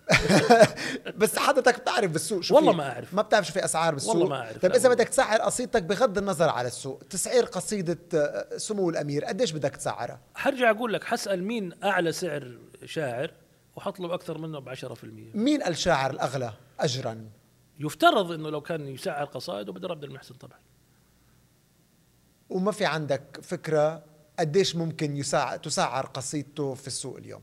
ما عندي فكرة مع إنه بدر أنا أعتقد إنه صعب تسعير قصيدته لأنه إذا كان بتسعرها على قيمتها ستحتاج إلى بنك يقرضك. الملحن الأعلى اجرا مين؟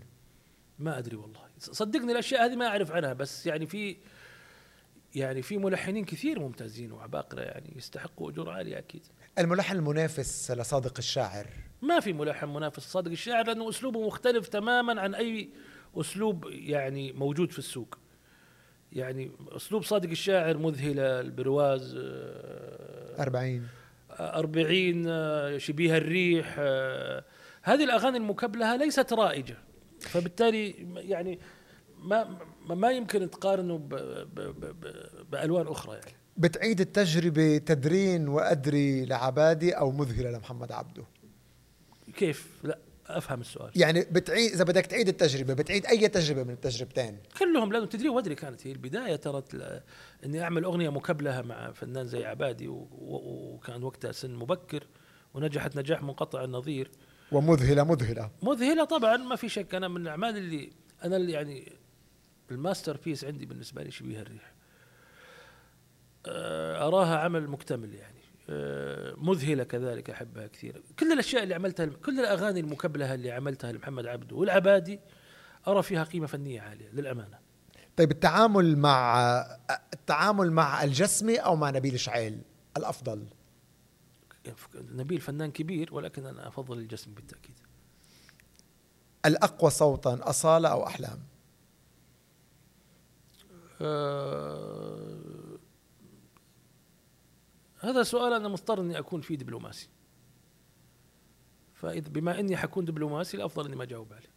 بس مين صوته أقوى؟ أنت قاعد تعيد نفس السؤال. فأنا- بدي نفس السؤال. أنا حأعيد نفس. الإجابة. أص... مين صوته أقوى؟ بتوافق إنه أصالة صوته أقوى من أحلام؟ هذا سؤال ينبغي أن أجيب عنه بدبلوماسية فالافضل طيب إلا شو الفرق عنه. بين صوت أصالة وصوت أحلام؟ ما في صوت فنانة يشبه صوت فنان. لا بس شو ميزات بس صوت؟ شوف أنا أقول لك على أحلام شيء وأقول لك على أصالة شيء. أحلام نجمة. أحلام آه، آه، فنانة ناجحة بكل المقاييس. آه، وتتعب على شغلها. و- وتحترم فنها. يعني أنا مثلا من المواقف اللي يعني أنا اللي يعجبني في أحلام آه إنه وصوتها له خامة مميزة لا تشبه أحد وتأدي أداء عظيم كمان. اللي اعجبني في أحلام مثلا تعمل ألبوم فيه 18 أغنية فيكون عندها ليلة أو حفلة مثلا في موسم الرياض. تعمل بروفات مكثفة على ال 18 أغنية وتغنيها في حفلتها كاملة. ما في أحد يعمل كذا. هذا عمل الفنان يحترم نفسه يحترم جهد كل من عمل معاه من المنظومة. أجي لأصالة. أصالة آه، آه، صوت إمكانياته عالية جدا. عندها قبول من رب العالمين عجيب. لا تشبه أحدا. إمكانيات صوتها مذهلة. آه، لها كاريزما. ما تقدر تنصرف عنها وهي تغني. ونجمة بكل المقاييس. فكلاهما اللي يجمع بينهم أنك إن إحنا نحتاج أصالة وأحلام وكلهم لهم قيمة عظيمة.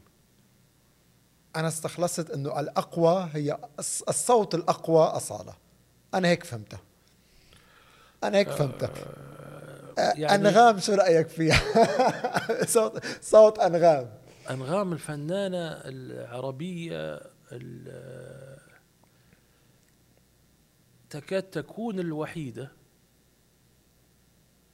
اللي فاهمة أكاديميا ودارسة وعارفة آه، يعني يعني أغلب الفنانات اكتسبوا خبرة موسيقية إلى ما أصبحوا متمكنين. أنغام درست دارسة موسيقى ويعني ابنة الصنعة. يعني تعرف لما الواحد يدخل المط يعني لما لما في الفندقة مثلا لما تدخل تتخرج في كلية فندقة تروح ال housekeeping وتروح المطبخ وتروح ال- لتوصل تصير general manager.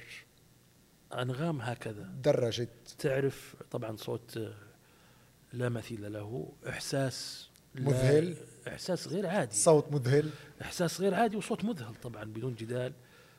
ذكاء غير عادي في انتقاء ال- تعلم جيدا ما تنتقي لصوتها. تعرف هذا العمل ينفع لها أو ما وهذا وهذا ناتج عن الدراسة. أنغام قيم- قيمة كبيرة فنية جدا. مين أدى الكلام بشكل أفضل عبد المجيد أو رابح؟ والله شوف أنا لا عبد المجيد غنى لي كثير ولا رابح. فما أبغى أحكم بس كلاهما يعني فعلا كلاهما فنانين كبار يعني. يعني رابح ما في شك إنه آه، موسيقي فذ وموسيقار فذ وملحن فذ. وله جماهيرية طاغية يعني رابح رابح آه، خاطب جيل باكمله بلغته. يعني فنان جيل. عبد المجيد في رأيي من أعظم الأصوات اللي غنت في الجزيرة العربية. ليش ما في تعاون أكثر مع عبد المجيد؟ فقط يعني ضل التعاون ضمن بعض الأغاني الوطنية. إن شاء الله يكون في تعاون في المستقبل. بس آه العلاقة الشخصية أنا آه لها دور. يعني لما تعرف لما واحد يكون قريب منك وبينك وبينه تلاقي وتواصل وإيش عندك جديد أنا يعني آه مش يعني مش مش سهل علي أعرض على أي أحد آه الآن خصوصا يعني انه ابادر بالعرض على أحد. في في قصيدة موجودة عندك اليوم بتقول هيدي لازم يغنيها عبد المجيد؟ والله في أحيانا أشياء أحس إنه عبد المجيد ممكن يغنيها بس مثل ما قلت لك لأنه يعني عبد المجيد مثل ما قلت لك من أعظم الأصوات اللي طلعت في الجزيرة العربية في المئة سنة اللي فاتت. ولكن آه، آه، العلاقة الشخصية ما هي حميمة لدرجة إنه ممكن يكون في تعاون فني. أي قصيده ممكن آه، مكتوبة عندك حضرتك هلأ ممكن عبد المجيد يغنيها بتلاقي إنه ممكن صوت عبد المجيد يوصلها يوصل باحساس عبد المجيد يوصل عبد المجيد يوصل أي شيء ما شاء الله لا قوة إلا بالله. ولكن ما في قصيدة هي اللي يحكم الموضوع احسه اللحن أكثر من القصيدة.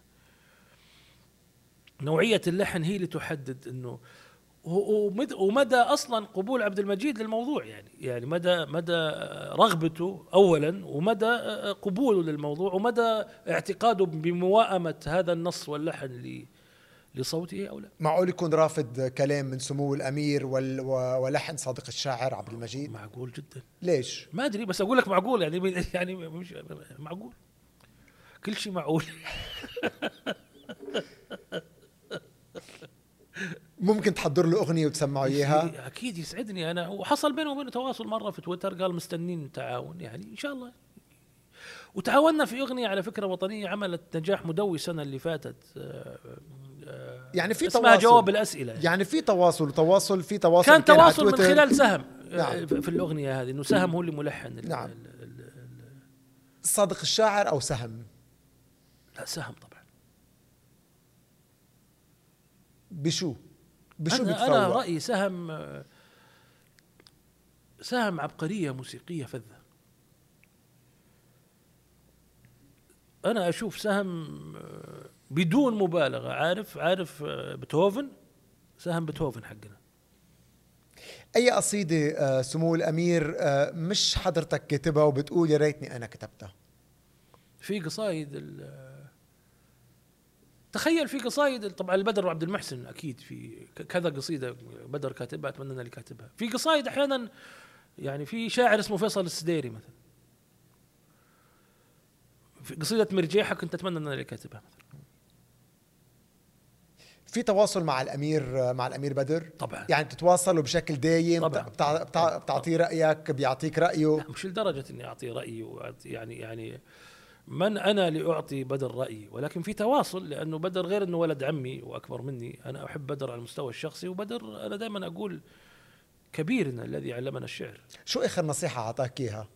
لا بدر آه، أكرم من إنه ينصحني لكن شو شو الحديث بيكون بينك وبينه؟ لكن إذا إذا ما بتعطي رأيك بشعره هو ما ما بينصحك وما بيعطيك رأيه بشعره. بدر أنا أرى إنه هو الشاعر الأعظم في تاريخ هذا البلد.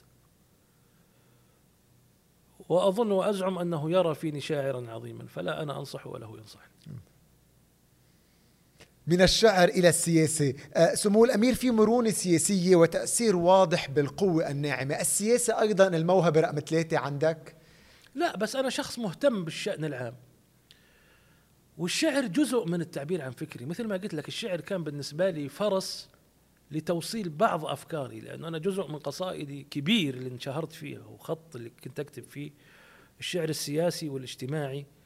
اللي أنا ممكن يعني أنا من الناس القلائل اللي ممكن أجي امسيه وما أقول ولا أغنية في أمسيتي من الأغاني اللي تغنت. لأني أرجع أقول لما أنا أطلع في أمسية وأقول مذهلة والناس تصفق الناس تصفق لمحمد عبده ما تصفق للشاعر.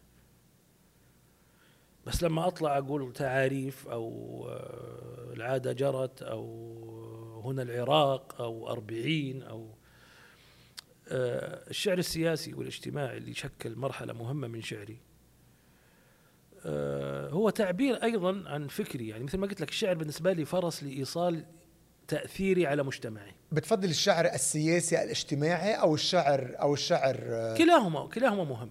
ولكن أرجع أقول لك إنه الشعر كان بالنسبة لي فرس امتطيه لإيصال فكري اللي وصل جزء منه شعري. شعري لم يستطع أو لم يفي بإيصال كل ما أفكر فيه ورؤيتي للشأن العام وللحياة بشكل عام استطاع الشعر أن يعبر عن جزء من هذا. وسائل التواصل واهتمامي بالشأن العام أتاح للجزء الباقي ربما أنه يظهر. شو اللي غيرته بالرأي العام السعودي سمو الأمير؟ لو أجبت على هذا السؤال بأي إجابة آه، توافقك عليه آه، يعني ينبغي أن أصنف من الحمقى لا أستطيع أن أقول إني غيرت. وين- شعرت؟ وين لمست إنه يمكن ربما بعض المواقف اللي بتقولها أو بعض الأمور اللي حضرتك عم بتنادي فيها قدرت تلمس أو قدرت تتاثر بالرأي العام؟ شوف أنا عشان أجاوب إجابة صريحة بعيدة عن التواضع ال- البايخ والغرور المقيت أدرك أنني شخص مؤثر. كيف تعرف؟ أدرك أنني شخص مؤثر. يعني آه، تبان. أرقام؟ غير الأرقام غير ال ال ال ال ما أقوله يتداول ويردد. يعني ممكن يعني ويستشهد فيه. فهذا يدل أنك شخص مؤثر. مش أدرك إن- أنني شخص- يعني يعني لن أتواضع وأقول لك إنه أنا والله على قد حالي ومش لا أنا شخص مؤثر. والمؤثر ممكن يغير بالرأي العام. إلى أي مدى غيرت في الرأي العام أو غيرت في الرأي العام أو ما غيرت هذا ما أقدر أقوله لأني هنا حنتقل من عدم التواضع الزائف إلى الغرور الت- طيب. بشو أثرت بالرأي العام؟ بشو أثرت؟ لا أعلم يعني اسأل الناس. بس أنا أدرك إنه لي تأثير. أي مواقف الناس بتتأثر لما لما حضرتك بتقولها؟ أحس لما يتعلق الأمر بالمملكة العربية السعودية والدفاع عنها في ظل هجمات مغرضة أحس إني أكون في الغالب موفق في التعبير عن ما يود السعوديين التعبير عنه. بدبلوماسية. مش بدبلوماسية قد ما هو بذكاء وح يعني ذكاء خليني أستخدم ذكاء وأنا أعنيها. ذكاء وحرص على عدم الوقوع في الخطأ. أنا في أي لقاء أو في أي تغريدة أو في أي منشور أنشره أو في أي ظهور عام لما أظهر أفكر في أشد الناس عداء لي. ما أفكر في المحبين لي أو المحايدين لأنهم سيغفرون زلتي. أفكر في من يتصيد أخطائي. فبالتالي هذا يجعلني أقل أخطاء ممكنة. سأخطئ وأخطئ وأخطأت. ولكن يظهر المنشور اللي أنشره وفق الاستراتيجيه في ذكاء بأنه تستطيع أن ترد مش بدبلوماسية. بأنك ما تقع في فخ الإساءة المباشرة أو الإسفاف أو الابتذال أو الشتائم اللي تضعف الحجة أو التقليل من الآخر بشكل بشكل لا يليق. ينبغي أن تركز على أن تكون الحجة قوية ولحسن الحظ أنه في كل المواقف اللي اتخذتها في الدفاع عن بلادي آه، أنه المملكة العربية السعودية يعني آه، بلد مشرف وبلد قيم. يساعدك إنك أنت تدافع عنها تدافع عنه بشراسة. بشراسة لأنه قضيتك قضيتك في 95% من الأحوال والكمال لله قضية عادله يمكن الدفاع عنها. بتستهويك الدبلوماسية؟ مش الدبلوماسية في في شيء اسمه مجاملة يعني يعني في بيت شعر يقول ومن لا يصارع في أمور كثيرة يصانع هي يصانع اظنها يصانع يصانع في أمور كثيرة يضرس بأنياب ويوطأ بمنسم. يعني لازم أنت يعني المجاملة مطلوبة والفجاجة مرفوضة. وفي أشياء فجة في أشياء فجة على المستوى الشخصي تنرفزني. يعني في ناس عندها قدرة على أنها تكون مستفزة. يعني لما يجي واحد يقول لك إيش السمن هذا؟ إيش سمنان كذا؟ يا أخي أنت يعني أنا عارف إني سمنان يعني. أبشرتموني مش على. أن مسني الكبر فبما تبشرون. أنا دائما لما أحد يقول لي سمنان أقول له باقي لي 4 كيلو زيادة وأوصل الوزن اللي آه، سمو الأمير شو نقطة القوة نقطة قوة المملكة سياسيا اليوم؟ شعب عظيم وقيادة عظيمة. باختصار. طيب أين الضعف أو الخلل ببعض مؤسسات الدولة؟ لأن المملكة العربية السعودية تتهم بأشياء ليست فيها. ويفترى عليها بافتراءات أبعد ما تكون عنها. من قبل. من قبل أطراف كثير عالمية ودولية وإقليمية. بسبب مشروع خلاق وعظيم يقوده آه، مولاي خادم الحرمين الشريفين وسيدي ولي العهد برؤيته الفذة. هذا المشروع مستفز لأطراف كثير ومضر لمصالح قوى كبيرة. بسبب هذا يتم اختلاق عيوب وافتراءات واختراع مساوئ غير موجودة. بهذا السبب لن أتطوع بأني أنا أكشف مواطن قصور. كفاية الأشياء اللي نتهم فيها. فلو في مواطن قصور ما حأتكلم فيها قدامك يعني أو قدام أي أحد. لمين في مواطن قصور. لمين بتقولون لكان إذا سنحت لي الفرصة أني اوصلها لولاة الأمر وصلتها. وصلتها؟ ما لن اسمح لي ما أجيب على السؤال. يعني هذا أمر خاص. لا إذا عم تقول شفت بعض القصور. لو شفت بعض القصور واستطعت أني أوصله مع أني أنا أؤكد لك أنه عندنا قيادة ما هي مستنية من أحد مثلي ولا من غيري أنه يوصلون لها مواطن القصور. لأنك أنت تشوف بنفسك أحيانا قرارات تتخذ. ويتم مش التراجع عنها تحويل مسارها. في عندك شخص مثل الأمير محمد بن سلمان. لا أدعي قرب من الأمير محمد بن سلمان أنا ولد عمي ما في شك وأتشرف بأنه ولي أمري و... ثاني ولاة أمري ولي أمرنا الملك الله يطول عمره ثم سيدي ولي العهد. هو ولد عمي وأصغر مني سنا وأكبر مقاما. أه ولا أدعي أنه ما في تواصل في تواصل ولكني لا أدعي شرف القرب منه. يعني أنا يضايقني كثير مثلا أحيانا لما أنزل تغريدات سياسية ألاقي بعض المواقع في لبنان أو في مش عارف إيه وقد صرح فلان قال في تويتر فلان الفلاني المقرب من ولي العهد ويحطون صورتي صورة لي مع سموه الله يحفظه في مناسبة من المناسبات. وضحت إنه أنا لا أدعي شرف القرب الصورة هذه أصلا الامير محمد متصور مع آلاف السعوديين يعني لما يقابلوا أي أحد ويقول له بتصور معك حيتصور معي أنا ولا غيري فالصورة هذه اللي ظاهرة لي في ال social media مع سموه الأمير محمد جمعتنا مناسبة فقلت له تشرفني بصورة معك فأكرمني فيها فهذا لا يعني إن أنا مقرب من سمو ولي العهد يعني. ايمتى كان آخر تواصل مع سمو ولي العهد؟ في تواصل في مناسبة عامة. كان في آه، تشرفنا بالسلام عليه. الله يحفظه في آخر تواصل في مكة المكرمة هنأته بالعيد؟ شو كان شو كان الحديث؟ فقط فقط تهنئة؟ تهنئة تهنئة بالعيد. مش أكثر من هيك. ليس أكثر من ذلك طيب آه، لو بدك تكفي هذه الجملة سمو الأمير تكون السعودية بخير أكثر إذا أو لو؟ تكون السعودية بخير أكثر هذا سؤال جيد. إذا تمسكت بمبادئها اللي نشأت عليها وإذا استمرت في ما تبديه القيادة من حرص على تطوير هذا الشعب والوصول به إلى آفاق يستحقها. عم تقول إذا تمسكت عم بتشوف ما في تمسك؟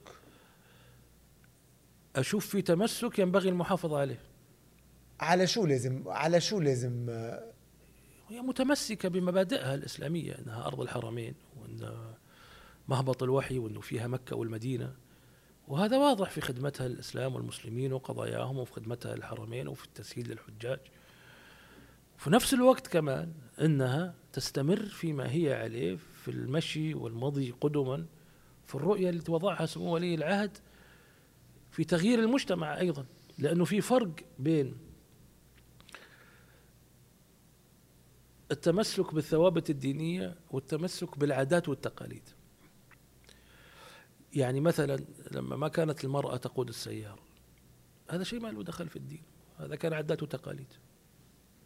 لما كان في إفراط في مسألة الاختلاط ال- يعني تحريم الاختلاط لدرجة إنه في الحرم في أطهر مكان في الأرض النساء والرجال موجودين مع. بعض يعني يعني آه، تعطيل دور المرأة في المجتمع هذا كله أمور كانت داخل فيها العادات والتقاليد أكثر فينبغي إنه الدو... إنه السعودية وهذا ما هو حادث يعني أنا يعني لما أقول تتمسك بثوابتها هي متمسكة بثوابتها فستظل السعودية بخير ما دامت متمسكة بثوابتها الدينية وما دامت مستمرة في السير قدما في رؤية سيدي ولي العهد.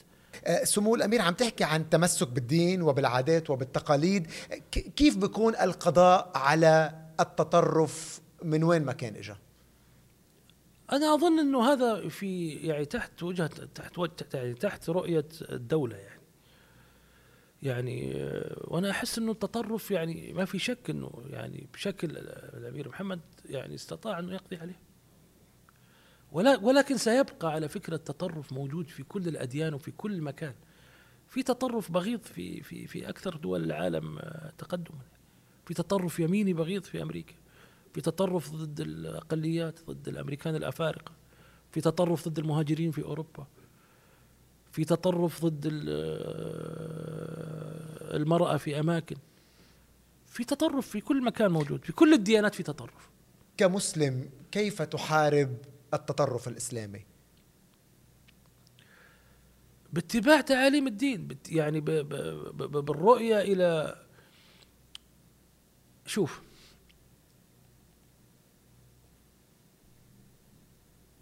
أنا مؤمن إنه الدين الإسلامي دين عظيم. ودين شامل وصالح لكل وقت وزمان. وأرى أن المسألة فيها توازن يعني الدين متوازن الدين فيه رفق ورحمة وعدل وتسامح. ادعو إلى سبيل ربك بالحكمة والموعظة الحسنة. بس أيضا ما هو دين ضعيف. وجيب لي حضارة من الحضارات ما د- يعني دعمتها بس المبادئ والمثل والتسامح والمحبة والسلام. ما في حضارة سادت في الدنيا إلا وكانت القوة جزء منها. واستخدام القوة وكيف يكون. حتى أول معركة في الإسلام. يعني الإسلام تدرج. لما كان الإسلام في مرحلة ضعف كان كان التوجه توجه إنه عدم الصدام. يعني كان عمرك ما سمعت عن عمليات آه، آه، عنف بمقياس هذاك الوقت إنه مثلا أحد يكون أبو جهل مارر في مكة فيرمي عليه يغتاله بالليل مثلا. لأنه كان الدين ضعيف وكان آه، ممكن يفنى عن بكرة أبيه. متى أول معركة حصلت؟ لما النبي اللهم صل عليه وسلم تحالف مع الأنصار وأصبح في المدينة وسلبت أموال المسلمين في مكة حينما هاجروا. وظهرت قافلة أبو سفيان للشام عشان تروح. فنزل أول نص أذن للذين يقاتلون بأنهم ظلموا وإن الله على نصرهم لقدير الذين أخرجوا من ديارهم بغير حق. فجعل القرآن أول سبب لأول معركة في اللي هي يعني أول غزوة شهيرة اللي هي بدر مع المشركين أنهم أخرجوا من ديارهم بغير حق وأخذت أموالهم. فجاء من منطلق الدفاع عن النفس إلى أن أصبح الإسلام أقوى وأصبح في الأول يوجه الدعوة بشكل سلمي وبعدين نشر دعوته وامتدت بالقتال وبالجهاد اللي أنا ماني شايف أنه أنه أنه شيء ينبغي أن يعني نستعر منه أو أن إحنا أنه لا. في الدين في كل الأديان وفي كل الحضارات القوة كانت يعني القوة مع التسامح الرحمة والعدل مع أنك تكون قوي عندما يعتدي عليك أحد. الإسلام دين متوازن. هذه هي نظرتي. سمو الأمير كيف توصف يلي عم بيصير اليوم بغزة؟ ما في شك أنه هذا أظهر ازدواجية العالم الغربي وأنه أي أحد يكلمنا في الغرب عن حقوق الإنسان حقيقة لا يستحق إلا أنك تقول له يعني كلمات آه، يستخدم الإعلام معها صفيرا حينما تقولها تو تعرف هذه؟ لأنه الحقيقة ازدواجية معايير بشكل غير معقول. يعني هل يعقل الإجرام اللي تمارسه إسرائيل بحق غزة؟ أي أحد ما يشوف إنه اللي تعمله إسرائيل هذا إجرام؟ يعني إنسان الحقيقة لا يستحق الاحترام. كيف توصف إسرائيل بكلمة؟ كيان غاصب محتل مجرم. كيف تقرأ التطبيع والسلام مع إسرائيل؟ أنا أرى ما تراه دولتي انه هذا الأمر ممكن عندما يكون هناك حل عادل للقضية الفلسطينية. على الصعيد الشخصي. على الصعيد الشخصي أنا أرى انه إسرائيل آه، عدو. إلى الأبد؟ إلى أن يشاء إلى أن يأذن الله يعني إلى أن يشاء الله إلى أن يكون في حل ينصف الفلسطينيين. بس اللي قاعدة تسويه إسرائيل هذا هل هذا ممكن يؤدي إلى حل ينصف؟ الحين الغرب أنا ماني فاهم لما ألاقي وزير خارجية أمريكا آه، قبل ثلاث سنين يقول إنه قصف المستشفيات وضرب المدنيين وال آه، مش عارف إيه في أوكرانيا هذا جرائم ضد الإنسانية.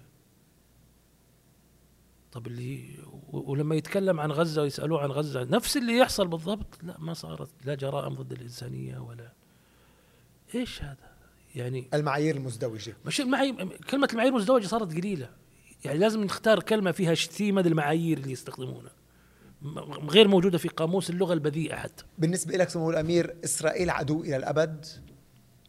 أنا إسرائيل بالنسبة لي عدو بس ما في شيء اسمه إلى الأبد.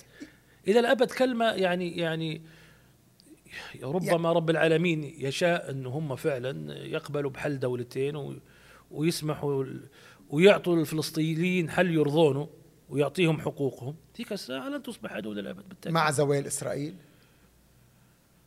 أه لست مع زوال أحد ولا مع بقاء الأمر ليس بيدي. يعني. في أشياء كثيرة أبغاها تزول بس مش على كيفي. إسرائيل بدك ما جت على إسرائيل يعني. إسرائيل بدك إياها تزول أو لا؟ ما أفكر بهالطريقة. الأحكام الحادة بعد سن معينة ما بقى ما ما لا أمل لا أمل بس كشخص عم بيشوف اللي عم بيصير اليوم وحضرتك قارئ للتاريخ وقارئ يعني وقارئ بالسياسة.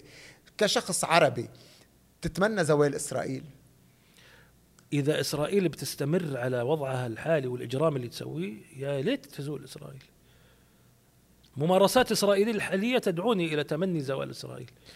إذا تغيرت ممارساتها وهذا الحقيقة ما أدري يعني ممكن يحصل في حياتنا أو لا. بتشوف ممكن يكون في حل لدولتين والله شوف هو اللي حاصل الآن بعد. العالم أصبح منقسم يعني أو العالم حتى في الغرب نتيجة الإجرام اللي قاعد يحصل. في رأي عام آخر ابتدأ يتشكل ويضغط على حكومات الدول الغربية. يعني الأمر تجاوز كل حد. يعني يعني تشوف مظاهرات في بريطانيا وفي أمريكا وفي فرنسا وفي هذا ممكن يؤدي إلى أنه الدول الداعمة لإسرائيل توقن أنه يعني أنه حان الوقت أنه هذا يتغير لمصلحة إسرائيل لأنه لا يمكن لهذا يعني أنت حبيس جغرافيا وتاريخ وجوار وسكان ومظالم مستمرة لا يمكن أنك أنت تحل قضية دون أن تنصف آه، أهلها. أي رسالة بتوصلها اليوم لوائل الدحدوح؟ متعاطف معاه جدا. الله يصبره على يعني الله يصبره على ما أصابه. وائل الدحدوح نموذج يعني ولكن الله يصبر جميع المساكين اللي في غزة يعني. لأطفال غزة شو بتقول لهم؟ والله يعني ما ما في كلام ينقال الكلام سخيف إن جيت الحق يعني. أي كلام سخيف تقوله يعني. بس شيء يعني يعني المصيبة إنه أصبح هذا أمر مألوف. المصيبة. إنه أصبح أمر مألوف المصيبة. يعني يعني إحنا ألفناه. يعني أنت لما بتشوف يعني أنت على المستوى الشخصي وهذه ترى على فكرة كمان سلبية من سلبيات الإعلام. اللي هو من واجب إنه يغطي طبعا. بس أنا أقصد إنه هل مثلا أول أيام الضربات الفادحة لغزة والمشاهد الدموية اللي كنت تشوفها للاطفال هل هي تترك نفس الأثر اللي تتركه الآن على على على على داخلك الشخصي؟ للأسف لا. كأنك ألفت المأساة لدرجة أنه أصبح هذا المعتاد. للأسف. من غير ما تشعر ترى هذا. راضي عن ال... عن كيف تعاطوا العرب مع القضية الفلسطينية مؤخرا؟ راضي عن عن تعاطي السعودية ما, ما لا يعنيني. أنا أقول دائما أعيد وأكرر. السعودية بلد ما هو بلد عنتريات بلد أفعال. السعودية ما هي دولة مواجهة يعني. السعودية أصلا بلد بالنسبة للمحيطها العربي والإسلامي وال والعالمي حتى. إذا ما جاء منها خير ما جاء منها شر. هذا رقم واحد. رقم اثنين فيما يتعلق بالقضية الفلسطينية. أكثر من دعم القضية الفلسطينية بالفعل وليس بالأقوال والخطب الرنانة المملكة العربية السعودية. والميزة في أنها ما تقول شيء ما تسوي. يعني ما تطلع تقول أنا برمي إسرائيل في البحر. بس لما تقول شيء تفعله. لما تعد بشيء تسويه. وخصوصا في وقت دائما هذا كان موقف المملكة العربية السعودية مع القضية الفلسطينية. وما ينسى يعني من أيام الملك عبد العزيز ورسالته الشهيرة لروزفلت كل البلدان الخليجية عندها نفس الموقف من القضية الفلسطينية؟ ما أحب أتكلم عن الدول الخليجية الأخرى.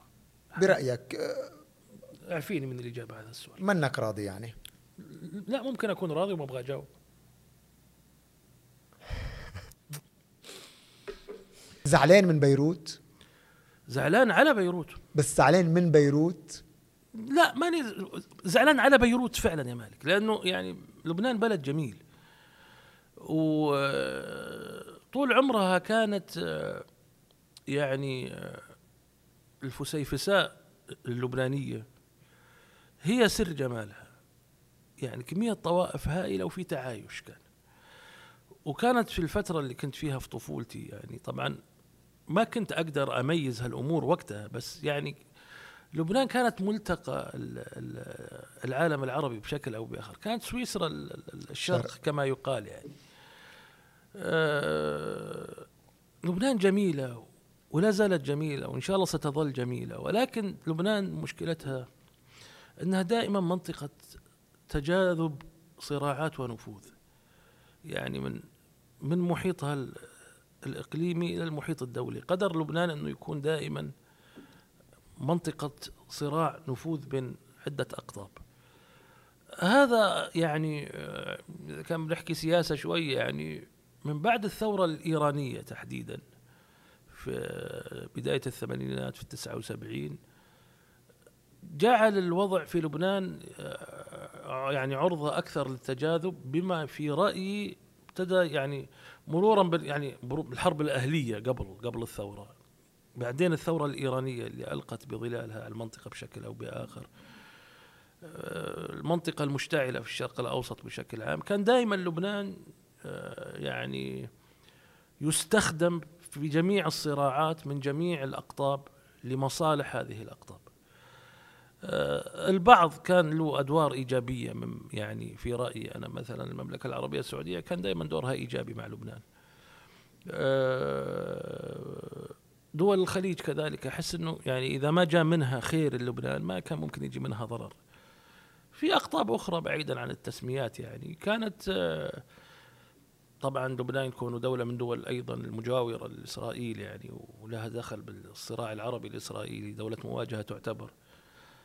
وبعد الثورة الإيرانية آه، أصبحت المسائل تزداد تعقيدا يعني. بعد ما انتهت الحرب الأهلية وبعد اتفاق الطائف وبعد ما جاء رفيق الحريري الله يرحمه استقرت لبنان لفترة كنا نأمل أن تستمر. وبعد ذلك ابتدأت الأمور تنحدر يعني إلى إلى إلى إلى ما نشاهده الآن يعني.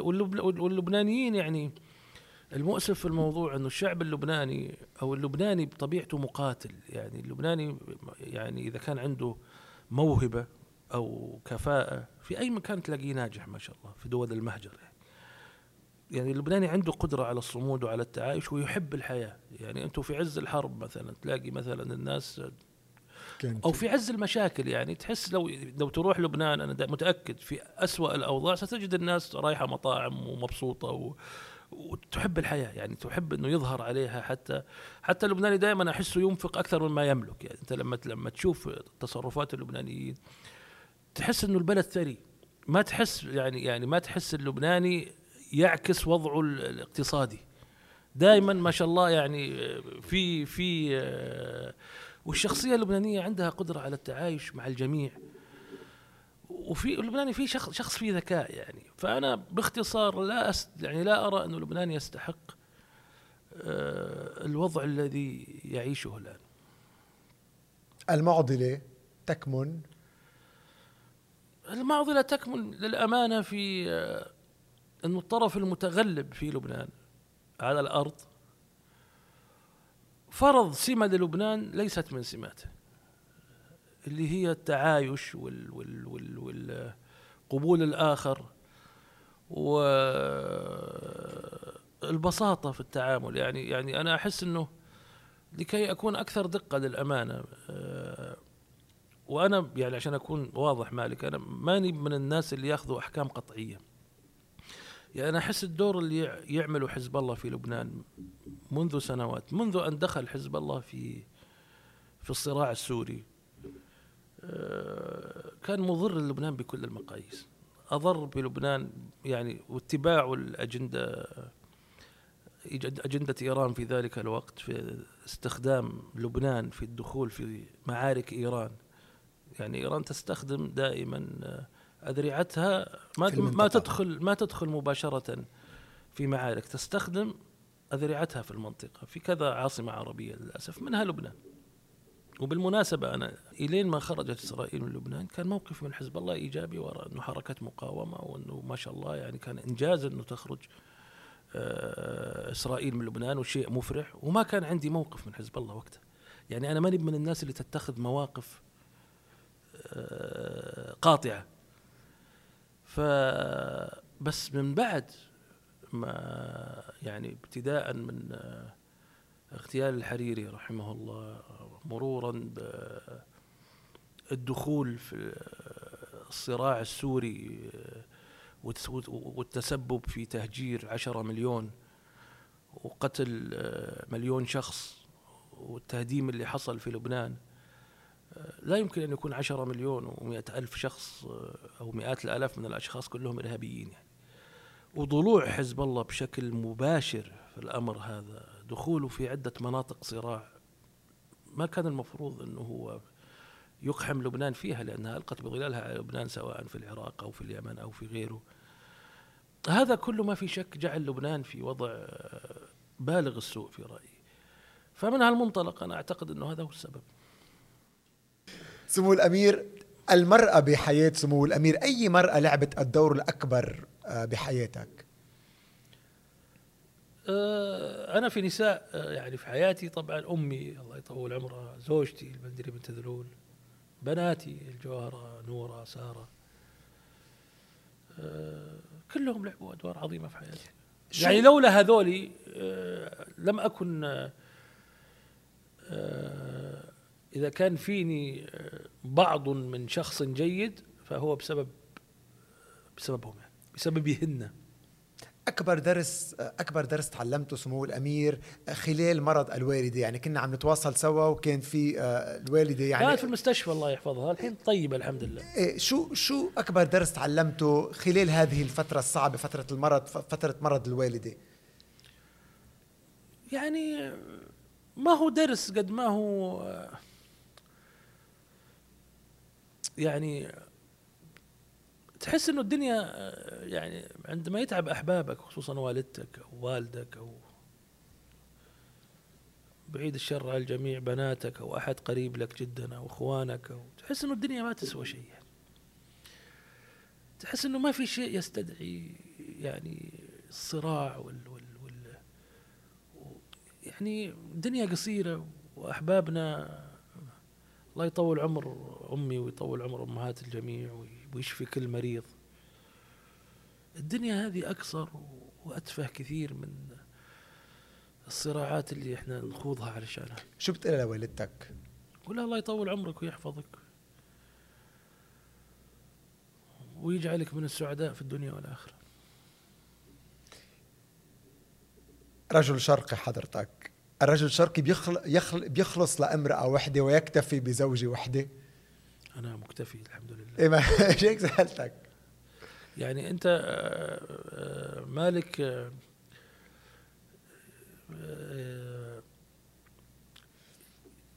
شكلك ناوي تخرب بيت اليوم. لا بالعكس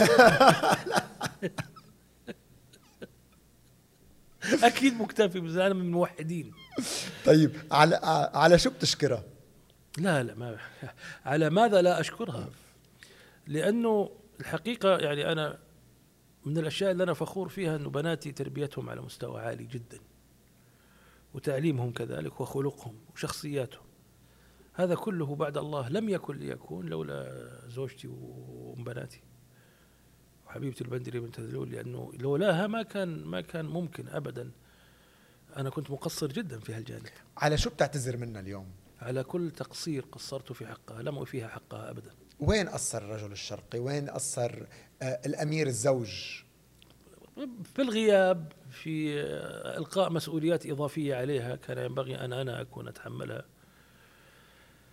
في آه، التعامل أنا ككثير غيري أحيانا عندما أحب أحد بشدة أتصرف معه من منطلق أنه يعلم أنه أني أحبه بشدة. وهذا خطأ. ينبغي دائما أن تشعر من تحب أنك تحبهم. بتعبر له؟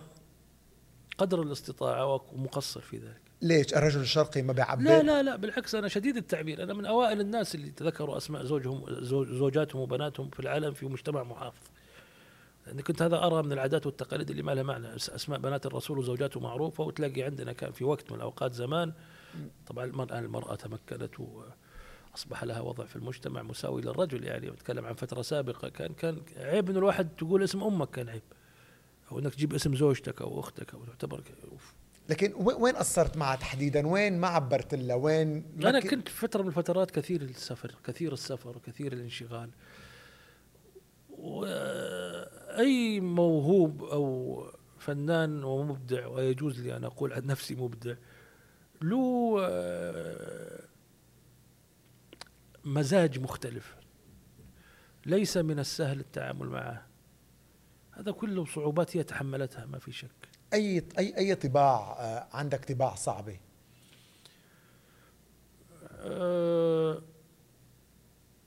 عندي عصبية سيئة جدا إذا ظهرت ولكنها قليلة. يعني أنا إذا غضبت أصبح إنسان آه، بالغ السوء. لا أجيد التصرف بحكمة في في المال آه، يعني آه، يدي فارطة مثل ما يقولوا يعني آخر مبلغ صرفته على شو كان؟ آخر مبلغ صرفته سخيف شيء سخيف يعني على شو؟ والله ما أدري اخر مبلغ صرفته اشتريت سيارة يعني جديدة شو هي؟ لكزس قديش قديش دفعت حقها؟ والله ما أدري اللكزس بكم بس يعني يسألوا الناس يدخلوا جوجل حيعرفوا سعره بجيبتك في في كاش؟ لا ماشي الكاش ما في شيء ابدا؟ حباني الله بأصدقاء معي هم يشيلوا يعني يعني مؤمن أكثر بالدفع الالكتروني الحين ترى ما عاد في ما عاد في ترى. عم بقول لك بالدفع الإلكتروني. خلاص كل شيء أصبح بالدفع الإلكتروني. الكاش ما عاد له موجود تقريبا. أه، سمو الأمير مع ال مع ال مع السنوات وسنوات الزواج الحب بضله موجود أو الحب بيتغير للمرأة للزوجة؟ شوف هو رب العالمين في القرآن ما جاب طاري الحب ترى وجعلنا بينكم مودة ورحمة. هي أهم من الحب. الحب بالمعنى اللي موجود في القصائد قابل لل, لل... لل... لل... آه، للتناقص أو للزوال. لأنه مرتبط بشغف وبالسبارك هذه اللي في الأول وبال بالرغبة. الجسدية ربما اللي لا بد أن تنطفئ بمرور وقت ما أو تضمحل ولكن المودة والرحمة هي الحب الحقيقي والاحترام قبل هذا. في قصيدة على اسم زوجتك أو كتبت كتبت قص كتبت قصيدة اسمها الوداع في زوجتي. ودائما في أربعين جبت طاريها وفي الخمسين جبت طاريها شو بتقول هلا شعر من شعرك لزوجتك؟ أم قلبين أنا كتبت لما كتبت 40 كان في الجوهرة ونورة بس.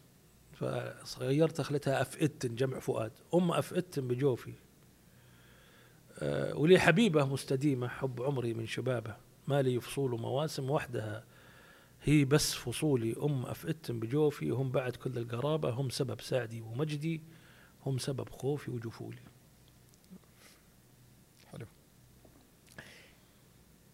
سمو الأمير عندك ثلاث بنات الله يخلي لك إياهم. كنت تتمنى إنه الله يرزقك بولد؟ والله عمري ما فكرت في كذا. الحين جاني جانا ولد الحين جاني حفيد خالد بن محمد بن خالد ولد بنتي الجوهرة. خلي لك إياه. عمره شهرين. آه، طبعا أنا كنت دائما مع يعني مع إني أنا يعني لا أتعلم من أخطائي. دائما آه، يعني عندي نقد داخلي شنيع لمن يعتقد إنه الناس مطالب إنه تحب أولاده زي ما يحبهم يعني كنت دائما مثلا أستغرب لما يجي واحد ولده عمره ثلاث سنين مثلا يجيب لك إياه في وأنت عنده في البيت يقول لك سمع سمع ال- عد له من واحد العشرة بالإنجليزي. فأقول لا قصدي كل الأطفال من في الثمانية مليار يعدوا من واحد لعشرة حل عني جوا نفسي اقولها. اللي هم يعتبرون يعني مثلا ذكاء أولادهم عظيم لدرجة أنهم يستعرضونه أمام الآخرين. أول ما جاء خالد بسم الله عليه يعني أعتبر إنه حتى لما يشرب الحليب و- ويطلع باق بواقي الحليب أعتبر هذا من المعجزات. أوف ضحك. أعتبر إنه هذا. شوف كيف ضحك. فانا مقدم على التورط بالتغني بإنجازات خالد ال- الوهمية اللي قاعد يسويها الآن. الله يخلي لكم انت بقولوا ما عز من الولد إلا هذه حقيقة. إلا الا ولد الولد. آه، طيب اليوم بمجتمع شرقي بيقولوا لما لما ما في ولد بالعائلة النسل إلى أين؟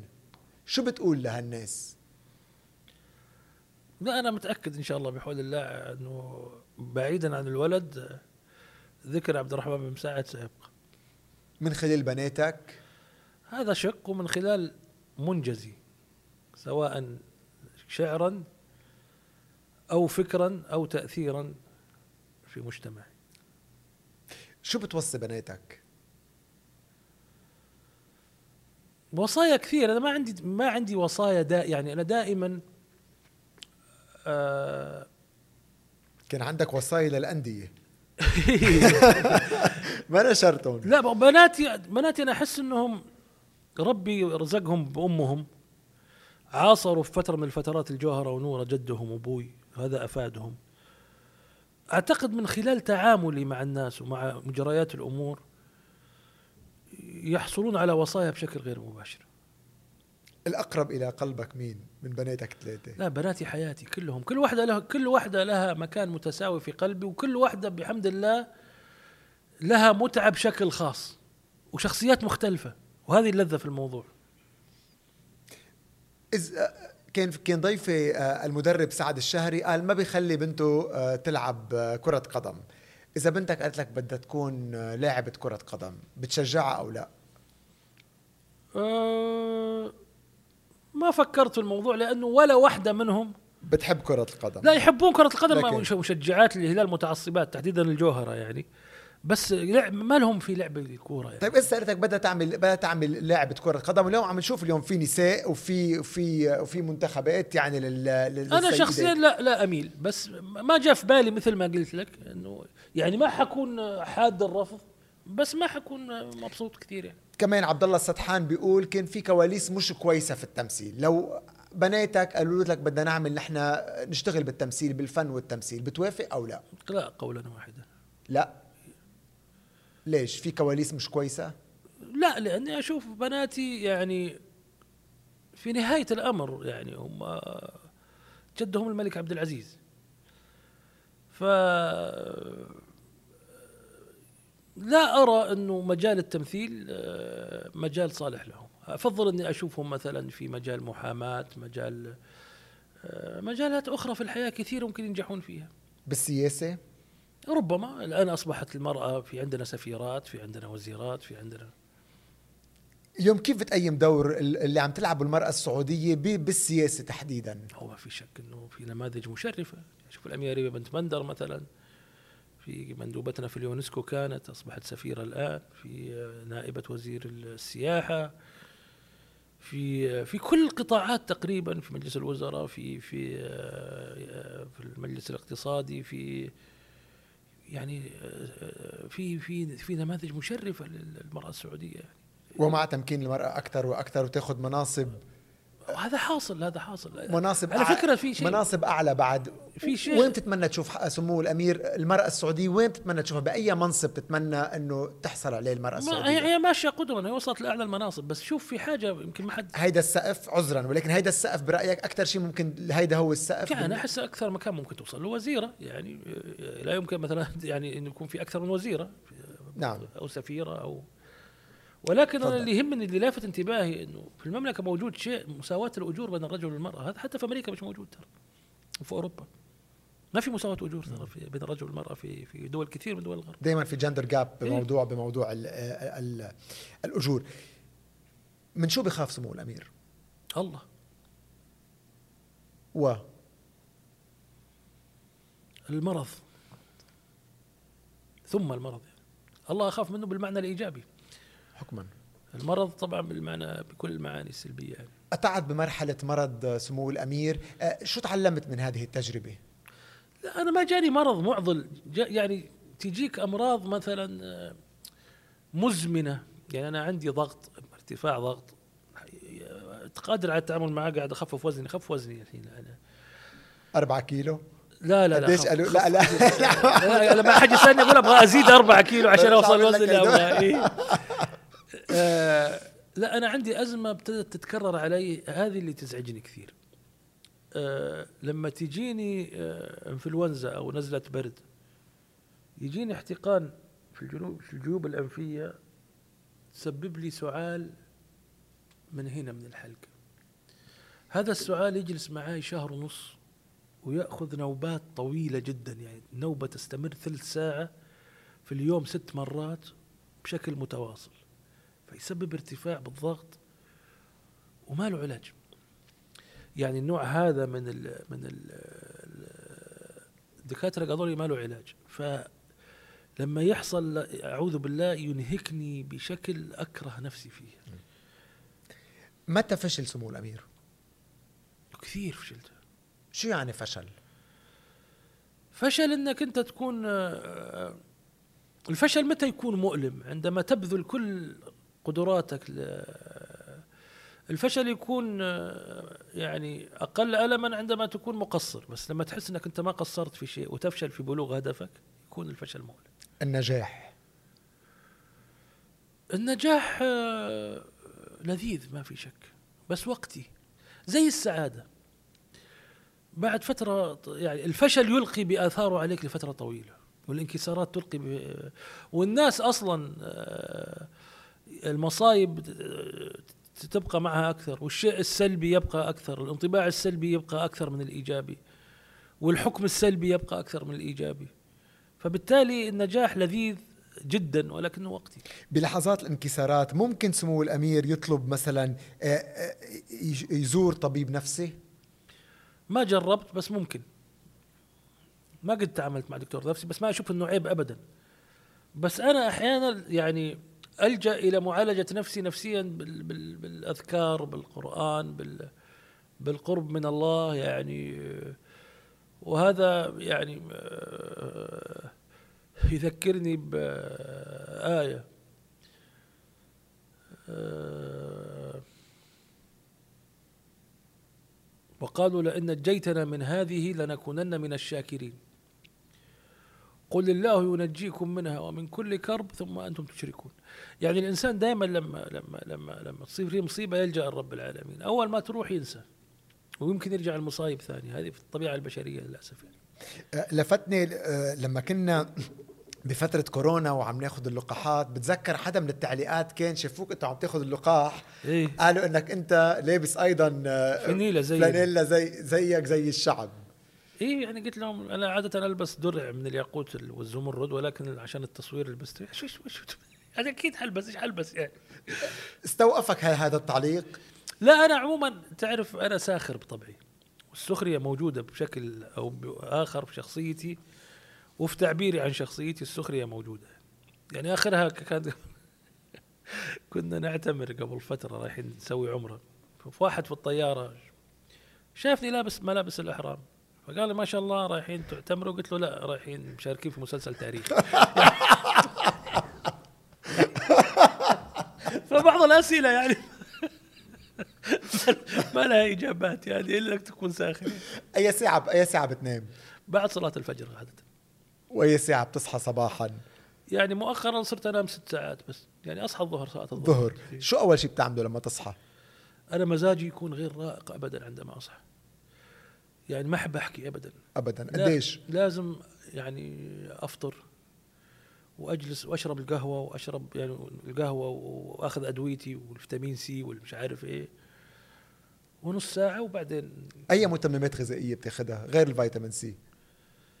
لا أنا أخذ نكسيوم وأخذ أسبرين طبعا هذا يقولوا لابد منه وأخذ دواء الضغط.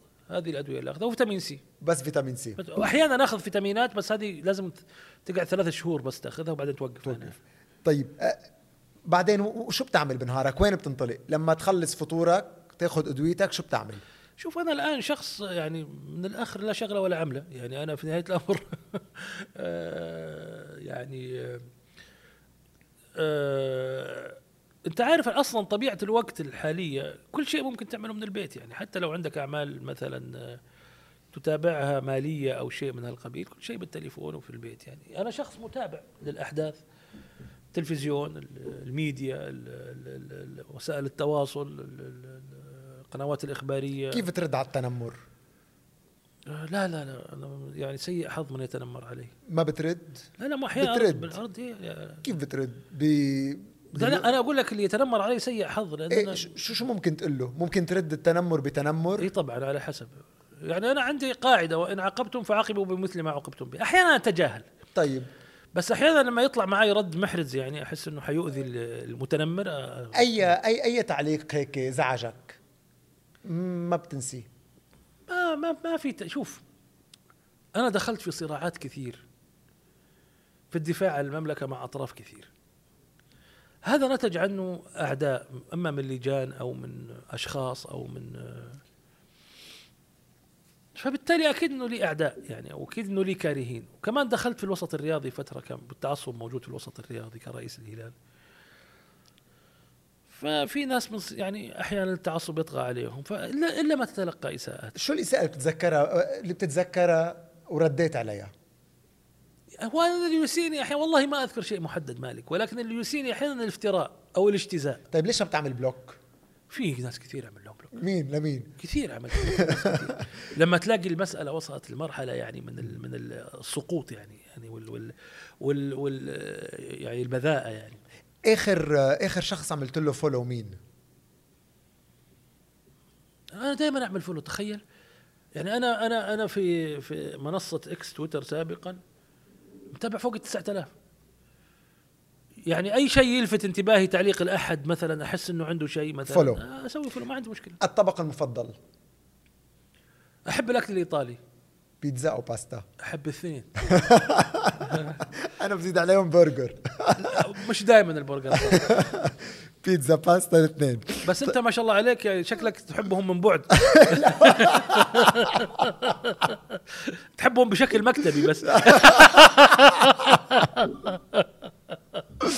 والله بياكل يا يا سمو الأمير. ما شاء الله عليك. الله الله لا. يضرك. المقهى المفضل. ما في مقهى مفضل. يعني في مقهى مفضل بتحب تروح عليه؟ إن كان هون إن كان بفرنسا بباريس آه. أنا كنت في باريس أحب طبعا باريس أنا أحبها كثير مش هيك سألتك. وما أش... ما أشعر بغربة. بس مؤخرا أصبحت لفت انتباهي في طبعا أنا آخر مرة سافرت باريس الصيف اللي فات وقبلها بأربع سنين ما سافرت من أيام كورونا ما سافرت باريس إلا السنة هذه يعني قعدت أربع سنين ما سافرت داخل المملكة بسبب كورونا وجت في السنة اللي بعدها كان إجازة قصيرة. فسافرت السنة هذه لاحظت إنه في أوروبا رحت باريس ولندن لندن رحت لها فترة قصيرة أسبوع. لم تعد أوروبا هي أوروبا التي نعرف بسبب الحرب الأوكرانية ال- ألقت بظلالها بشكل أو بآخر على على أوروبا من ناحية الأمن من ناحية ما تحس إنك مرتاح. يعني كثير يعني مثلا سرقات ال ال ال ال ال ال ف أضف إلى ذلك يعني في المقاهي يعني وفي فترات الإجازات أي شخصية عامة ما يحس بالخصوصية لما يروح مقاهي يعني. فصرت أميل إني أروح مثلا الجلوس في مثلا في فنادق في مقاهي في فنادق في لبي فندق في في في, في في جورج سانك أو في يعني أو في أماكن من موازية يعني هي هي اللي أروح لها. طبعا المطعم في السفر بالنسبة لي العشاء جزء أساسي إنك تروح مطعم يعني. ضروري. ضروري طبعا أكيد. شو مطعمك مطعم مطعمك المفضل في المملكة؟ هي دعايات ترى. لا طيب بلا داعي في الخارج. في عدة مطاعم والله. في أنا وين بتحب تروح؟ على باريس مثلا. يعني في باريس في كذا في كذا مطعم والله. يعني في في في مطاعم صينية معينة أحبها. وين؟ أي واحد؟ أه والله ما أدري وش اسم المطعم. في مطعم صيني. فين عشان لا لا مش في الشانزليزيه مش deep يعني. مش دي مع إنه أحيانا أروح له يعني. طيب. آه في مثلا في سان جيرماني مطعم إيطالي أحبه. في في آه آه والله ما تحضر في طيب. Grand Venise مطعم اسمه جراند فينيس أحبه كثير. طيب بالسعودية شو بتحب أي مطعم؟ لو في دعاية ما بأثر. إذا بيستحقوا أكله طيب. آه لا بتيت حلو بتحبه أيوه وفي كمان كذا مطعم والله في بس أنت عارف أنا مسافر لي ستة شهور توني راجع فما أدري في مطاعم جديدة طلعت الحين ولا في فيا رياض في مطاعم كثير والله في حلوة. رياض حلو كثير إيه المنطقة كلها حلو حلوة. كتير فيا إيه، رياض. إيه. سمو الأمير أنت مع المقاطعة آه، مقاطعة إيش بالضبط؟ يعني مثلا عم نحكي عن المقاهي ستاربكس أنا لا ضد المقاطعة يعني مثلا أنا في فترة من الفترات ما أبغى أرجع بأسباب سياسية تجاوزناها أنا ضد مقاطعة آه أنت لما بتقاطع ستاربكس مثلا طب ستاربكس فرع لاستثمار سعودي أو ماكدونالدز مثلا. في مستثمرين سعوديين وناس يعني رأس مال سعودي في الموضوع. ما له دخل بالشركة وسياساتها اللي في الخارج. ولكن مع المقاطعة شفنا الشركات الكبرى بأمريكا في كثير في كثير شركات كبرى حكوا عن عن عن تدني بالأرباح وعن تدني يعني أنا مثلا لو لو أنا شفت مثلا يعني ممكن المقاطعة تفيد. تفيد معاها معاها. بس مثلا أعطيك مثال. أنا الحين لو ماكدونالدز اتخذت موقف مع إسرائيل ضد العرب مثلا وكنت في باريس ما. ما حروح ماكدونالدز. بس ما حقاطع ماكدونالدز في الرياض. لو دولة من الدول اتخذت موقف والشعب السعودي شاف إنه لازم يقاطع هذه الدولة لأنها أخذت موقف ضد المملكة. ما حجي أقول مثلا قاطعوا المنتجات حقت البلد هذا اللي في السوبر ماركتس الآن لأنك أنت قاعد تضر اقتصادك وتضر رأس مال سعودي. قاطعه من المصدر. هذه وجهة نظري يعني. بآخر تغريداتك سمو الأمير بتقول ما بتشك بوطنية اللاعبين السعوديين اللي سالوا اللي سئل عنهم مانشيني في مؤخرا. طيب هل دفاعك اليوم عن اللاعبين هو دفاع عن النفس نوعا ما؟ لأنك بالزمانات أيضا أنت قلت منعت اللاعبين لاعبين الهلال يروحوا يلعبوا بالمنتخب السعودي. هذه على فكرة اجتزاء مخل آه، يعني وقع فيه الكثيرين. يبدو أنك وقعت فيه مالك. أنا بعثوا لي إياه. إيه ما أقول لك هذا الاجتزاء جاء من وين؟ لما كنت رئيس للهلال نعم. كان النظام في الفيفا يقول إنه قبل الم... إنه إنه أنت لما يكون عندك استدعاء لعيبه المنتخب لازم تكون قبل وفق نظام فيفا خمس أيام.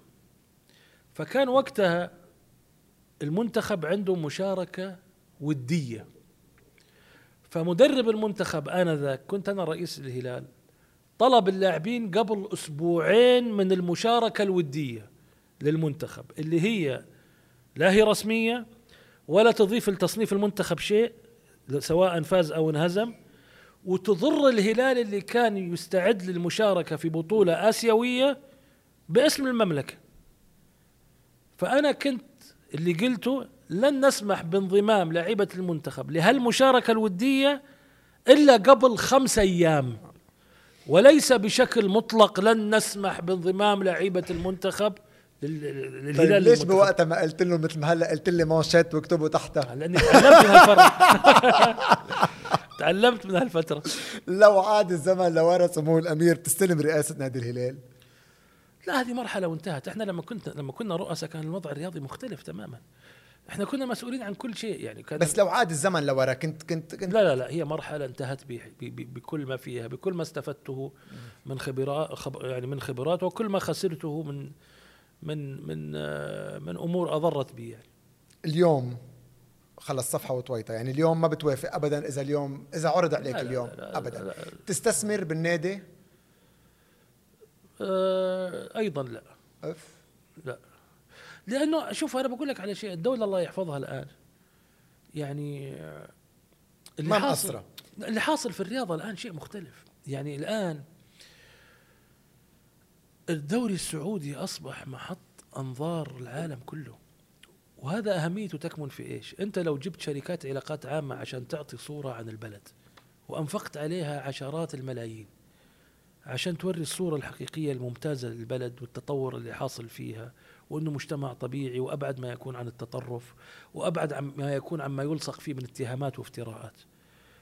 لو جبت عشرات يعني مئات الشركات الكبرى في العالم العلاقات العامة وضخيت عليها ملايين عشان تسوق لوطنك وهذا حق مشروع تعمله كل الدول. لما استطعت أن تؤدي نفس ما أدت إليه الآن الاستقطابات اللي حصله في الرياضه، كفاية لما يكون عندك رونالدو ونيمار واللعيبة هذول كلهم من خلال ال social media الناس تشوف حياتهم الطبيعية. يعني ال ROI يعني return investment كان عالي جدا. العائد عالي جدا يفوق بكثير ما أنفقته الدولة على المشروع. في ناس بتقول إنه لازم الدولة كمان تنفق أيضا على على المواهب ال- المحلية بقدر ما عم ما عم تنفق على على المواهب العالمية. هذا حاصل أعتقد وحيحصل وأنا متأكد إنه خلال السنوات القادمة أو خلال السنة هذه حتشوف مشاريع ما عندي معلومات بس أنا متأكد إنها في بالهم إنه كيف تطور أيضا من المواهب المحلية. عندنا ترى على فكرة يعني الرؤيه ما تركت مجال من المجالات إلا درسته بعناية والأمير محمد أوكل لكل قطاع من القطاعات مثل اللي ذكرتهم كلهم ومنهم وزير الرياضه الأمير عبد العزيز عم بيعمل. يعني عم بيعمل كمان شغل شغل جبار. وزير فذ وعقلية جبارة والأمير محمد نفسه وصفه بالشغف. هو شخص رياضي أصلا. أنا متأكد إنه في رؤية ولي العهد للرياضة اللي أصلا واضحة الح- الآن نتائجها على الأرض بأنه أصبح عندك دوري يا أخي أنت ما تتخيل شعوري أنا كنت في باريس. فاتح قناه آه، آه، شو اسمه هذه؟ زائد شو اسمه يسمونها آه، Canal Plus. اي Canal Plus هذه. أتفرج على مباراة أول مباراة في الدوري السعودي الأهلي والحزم بتعليق فرنسي في باريس. قلت يا ربي أنا قاعد أحلم. نعم. إيش هذا؟ شيء غير معقول. يعني شيء لو جيت حدثتني عنه قبل قبل قبل كنت قلت ولا حتى بالاحق أنا قبل قبل لما كنت رئيس الهلال. كان في لقاء لي في القناة التلفزيونية فالاعلامي اللي معي بيسألني بيقول لي إنه قلت يا أخي بعض الناس يطلبون مننا لعيبة ناقص تقولوا لي جيب رونالدو. إلا فجأة رونالدو عندنا. صار عندنا. يعني شيء يقرب إلى الحلم يعني يعني يعني يعني. بس الحقيقة إنه إحنا نعيش في وقت آه، يعني قلتها عن الأمير محمد. نحلم ومنحقق حنت لرؤيتك الأكوان وهامتها واستعجب الغد ماذا يصنع الرجل. يعني إيش قاعد تسوي أنت؟ بدي أرجع على سؤالي سمو الأمير ليش ما بتستثمر بالهلال اليوم؟ ما عندي ملاءة مالية عالية حاليا. والمبالغ صارت مكلفة يعني أصبحت المبالغ عالية. يعني. شو تقييمك لفهد بن نافل اليوم؟ شو تقييمك لرئيس النادي. ما في شك أنه فهد بن نافل نموذج مشرف للرؤساء يعني. يعني آه، من أهم الرؤساء اللي حققوا إنجازات للهلال يقف خلفه الأمير الوليد كمان بن طلال يعني ما في شك أنه هو عراب الهلال حاليا. آه، وإن كان فرق آه، يعني الفرق بين بين بين فترة فهد بن نافل وفترتنا إحنا إنه إحنا كنا في وقتنا كان لنا أخطائنا الجسيمة طبعا. ولكن كنا إحنا القائمين بالنادي من من إلى. كان دور الرئيس تأمين كل مصادر دخل النادي من خلال أعضاء الشرف. يعني ما كان في دعم من الدولة ترى للأندية وقتنا. خسارة كأس آسيا كان سبب رحيلك من النادي؟ بس من الأسباب إلى أني شعرت بإحباط شديد لأنه كان خسارة غير يعني خسارة مجحفة وبفعل فاعل. كيف يعني؟ يعني كانت بظلم تحكيمي فادح يعني يكاد يقرب إلى الفساد يعني. قلت وقتها في سي دي. بدك تنشره. عن مش صحيح. بال 2004 لا لا ما قلت في سي دي. قلت انه قلت إنه في آه، كنت يعني تكلمت إنه في فساد. المباراة هذيك فيها فساد. يعني الظلم التحكيمي اللي حصل فيها هو هو هو يعني حكم فاسد وليس حكم غير موفق في قراراته. بتزعل لما معالي المستشار تركي الشيخ بيقول إنه فهد بن نافل اللي عمله اليوم بالنادي ما حدا عمله قبله. لا هو محق في ذلك صحيح لأنه الإنجازات اللي عملها فهد بن نافل لم يحققها أحد قبله. وين بتشوف الرياضة ب 2030 كل شيء يدعو للتفاؤل فيما يتعلق بالرياضة. آه، أخشى بس في على المدى القصير على المنتخب على المدى القصير لاني متأكد في حلول وزارة الرياضة تسويها هذا المنتخب اللي خصوصا إحنا نتكلم عن الم... يعني الآن إحنا على وشك إن إحنا يعني نكسب استضافة ان لم كنا نكون كسبناها فعلا كأس العالم عام 2034 يعني. نعم. لسه ما أقر رسميا بس إحنا المرشح الوحيد فالمنتخب اللي بيكون عام 2034 إيش شكله حيكون هذا أنا على قلق فيه قلق منه في ظل وجود ثمان لاعبين أجانب لأنه فرصة اللاعب السعودي في إنه يلعب في الدوري أصبحت محدودة. يعني كل لاعب يعني ثلاث لعيبة في كل فريق يلعبوا. فصعب إنك تكون منتخب على مستوى عالي من لعيبة لا تشارك أو تكون احتياط في أنديتها. أنا متأكد إنه في شيء أو دراسة معينة ستظهر في الأفق قريبا تزيل هذا الخوف يعني. شو الهواجس الثانية اللي عندك إياها فيما يتعلق بالمنتخب؟ ما عندي هواجس ما عندي هواجس. في, في ناس تشتغل صح في البلد في كل قطاع ما, ما في هواجس. بعد مانشيني مين بترشح يقود المنتخب؟ أنا شايف إنه مدرب فنيا على مستوى مستوى متميز يعني. آه، طبعا أنا ما أعتقد إن إحنا آه، ينبغي أن يكون طموحنا بالمنتخب الحالي ليكون أمين تحقيق كأس آسيا. في منتخبات في البطولة آه، لها حظوظ أكبر إنها تحقق كأس آسيا. بترشح يكون مدرب المنتخب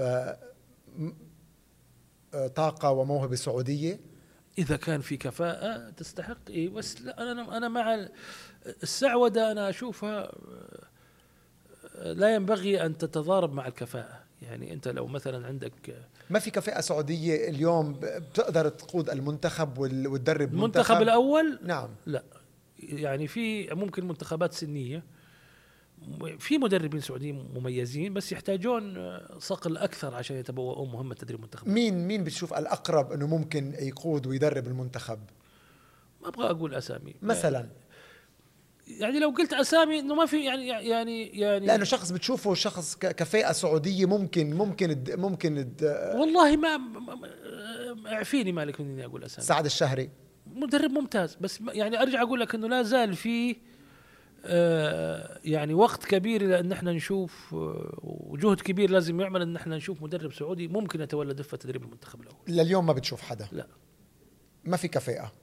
في كفاءات بس ما وصلت لمرحله أنها تتولى عبء مسؤولية زي شو اللي ناقص اليوم؟ لأنه أنت المدرب علشان يدرب لازم يتدرج. يعني لازم يدرب فرق يدرب يعني إنك تجيبه out of nowhere يدرب منتخب. يعني لازم يدرب أندية وينجح فيها لازم يدرب منتخبات وينجح فيها. فإذا ما اعطيوا فرصة آه وأنا كمان يمكن أكون ماني مع أعطائهم فرصة لانك ممكن تعطي فرصة وتكون النتائج سيئة. فانا ماني مع السعودة في مجالات معينة جيت الحق زي الدكتور. أنت لو ابنك مريض و... وأنت أشد الناس وطنية. بدك تروح عند أهم دكتور. تروح عند الدكتور الكفو الكفو. ما حتروح عند دكتور إنه عشان حتى لو أخوك دكتور. يعني لو الواحد أخوه مثلا طبيب وعنده مشكلة يعاني منها. مثلا لو أنا أخوي طبيب عيون وعيني فيها مشكلة. بس في طبيب مثلا آه، في المستشفى نفسه أكفأ منه 20 مرة. حروح لأخوي ولا حروح للطبيب الأكفأ؟ حروح للطبيب الأكفأ. لسامي الجابر شو بتقول له؟ سامي الجابر آه، نجم سعودي حقق إنجازات كبيرة لناديه والمنتخب و- آه، من رموز الرياضة السعودية. بيستحق يكون مدرب أو أو فشل. كان ممكن ينجح سامي. آه، الظروف في الهلال ما ساعدته. إحنا يمكن ما ساعدناه بسبب يعني آه، بس هو يعني كمان درب بعد الهلال. كان قناعة فنية منكم لما عينتوه بالنادي؟ يعني كانت قناعة فنية بالتأكيد من أعضاء الشرف ومننا. أو كان طبعا بدعم الأمير أحمد بن سلطان؟ لا كان كل أعضاء الشرف موافقين على أنه يكون رئيس النادي باستثناء الأمير بندر محمد. الله يرحمه ويسكنه ويغفر له الجنة. بس آه، قرار- اقالته كان بقرار تقريبا أو لا كانت ق- قرار جماعي من أعضاء الشرف باقالته وقتها. مدرب ناجح أو لا كنتائج لم ينجح سامي الجابر كمدرب. يعني لا لا ما نجح بس أعتقد إنه ربما لو هي لو بدا مع نادي غير الهلال والضغوط اللي على الهلال آه، كان ممكن ينجح يعني. رونالدو أو نيمار لا رونالدو طبعا مع إني هلالي يعني بس رونالدو ما في لاعب يضاهيه للامانه سمو الأمير إذا السؤال بدنا نشطبه من الحلقة أي سؤال بنشيله؟ أه... ما لا, لا ولا سؤال. ما في ولا سؤال. شكرا شكرا من القلب أنا تشرفت أنا تشرفت آه، سمو الأمير بهذه الاستضافة. فعلا إضافة إلي. شكرا لك آه، من قلب مالك مكتبي. شكرا آه، سمو شكرا الأمير. لك وأنا سعيد فيكم. شكرا للأخوان المصورين والفنيين. وسعيد جدا بلقائك. الله يحفظك.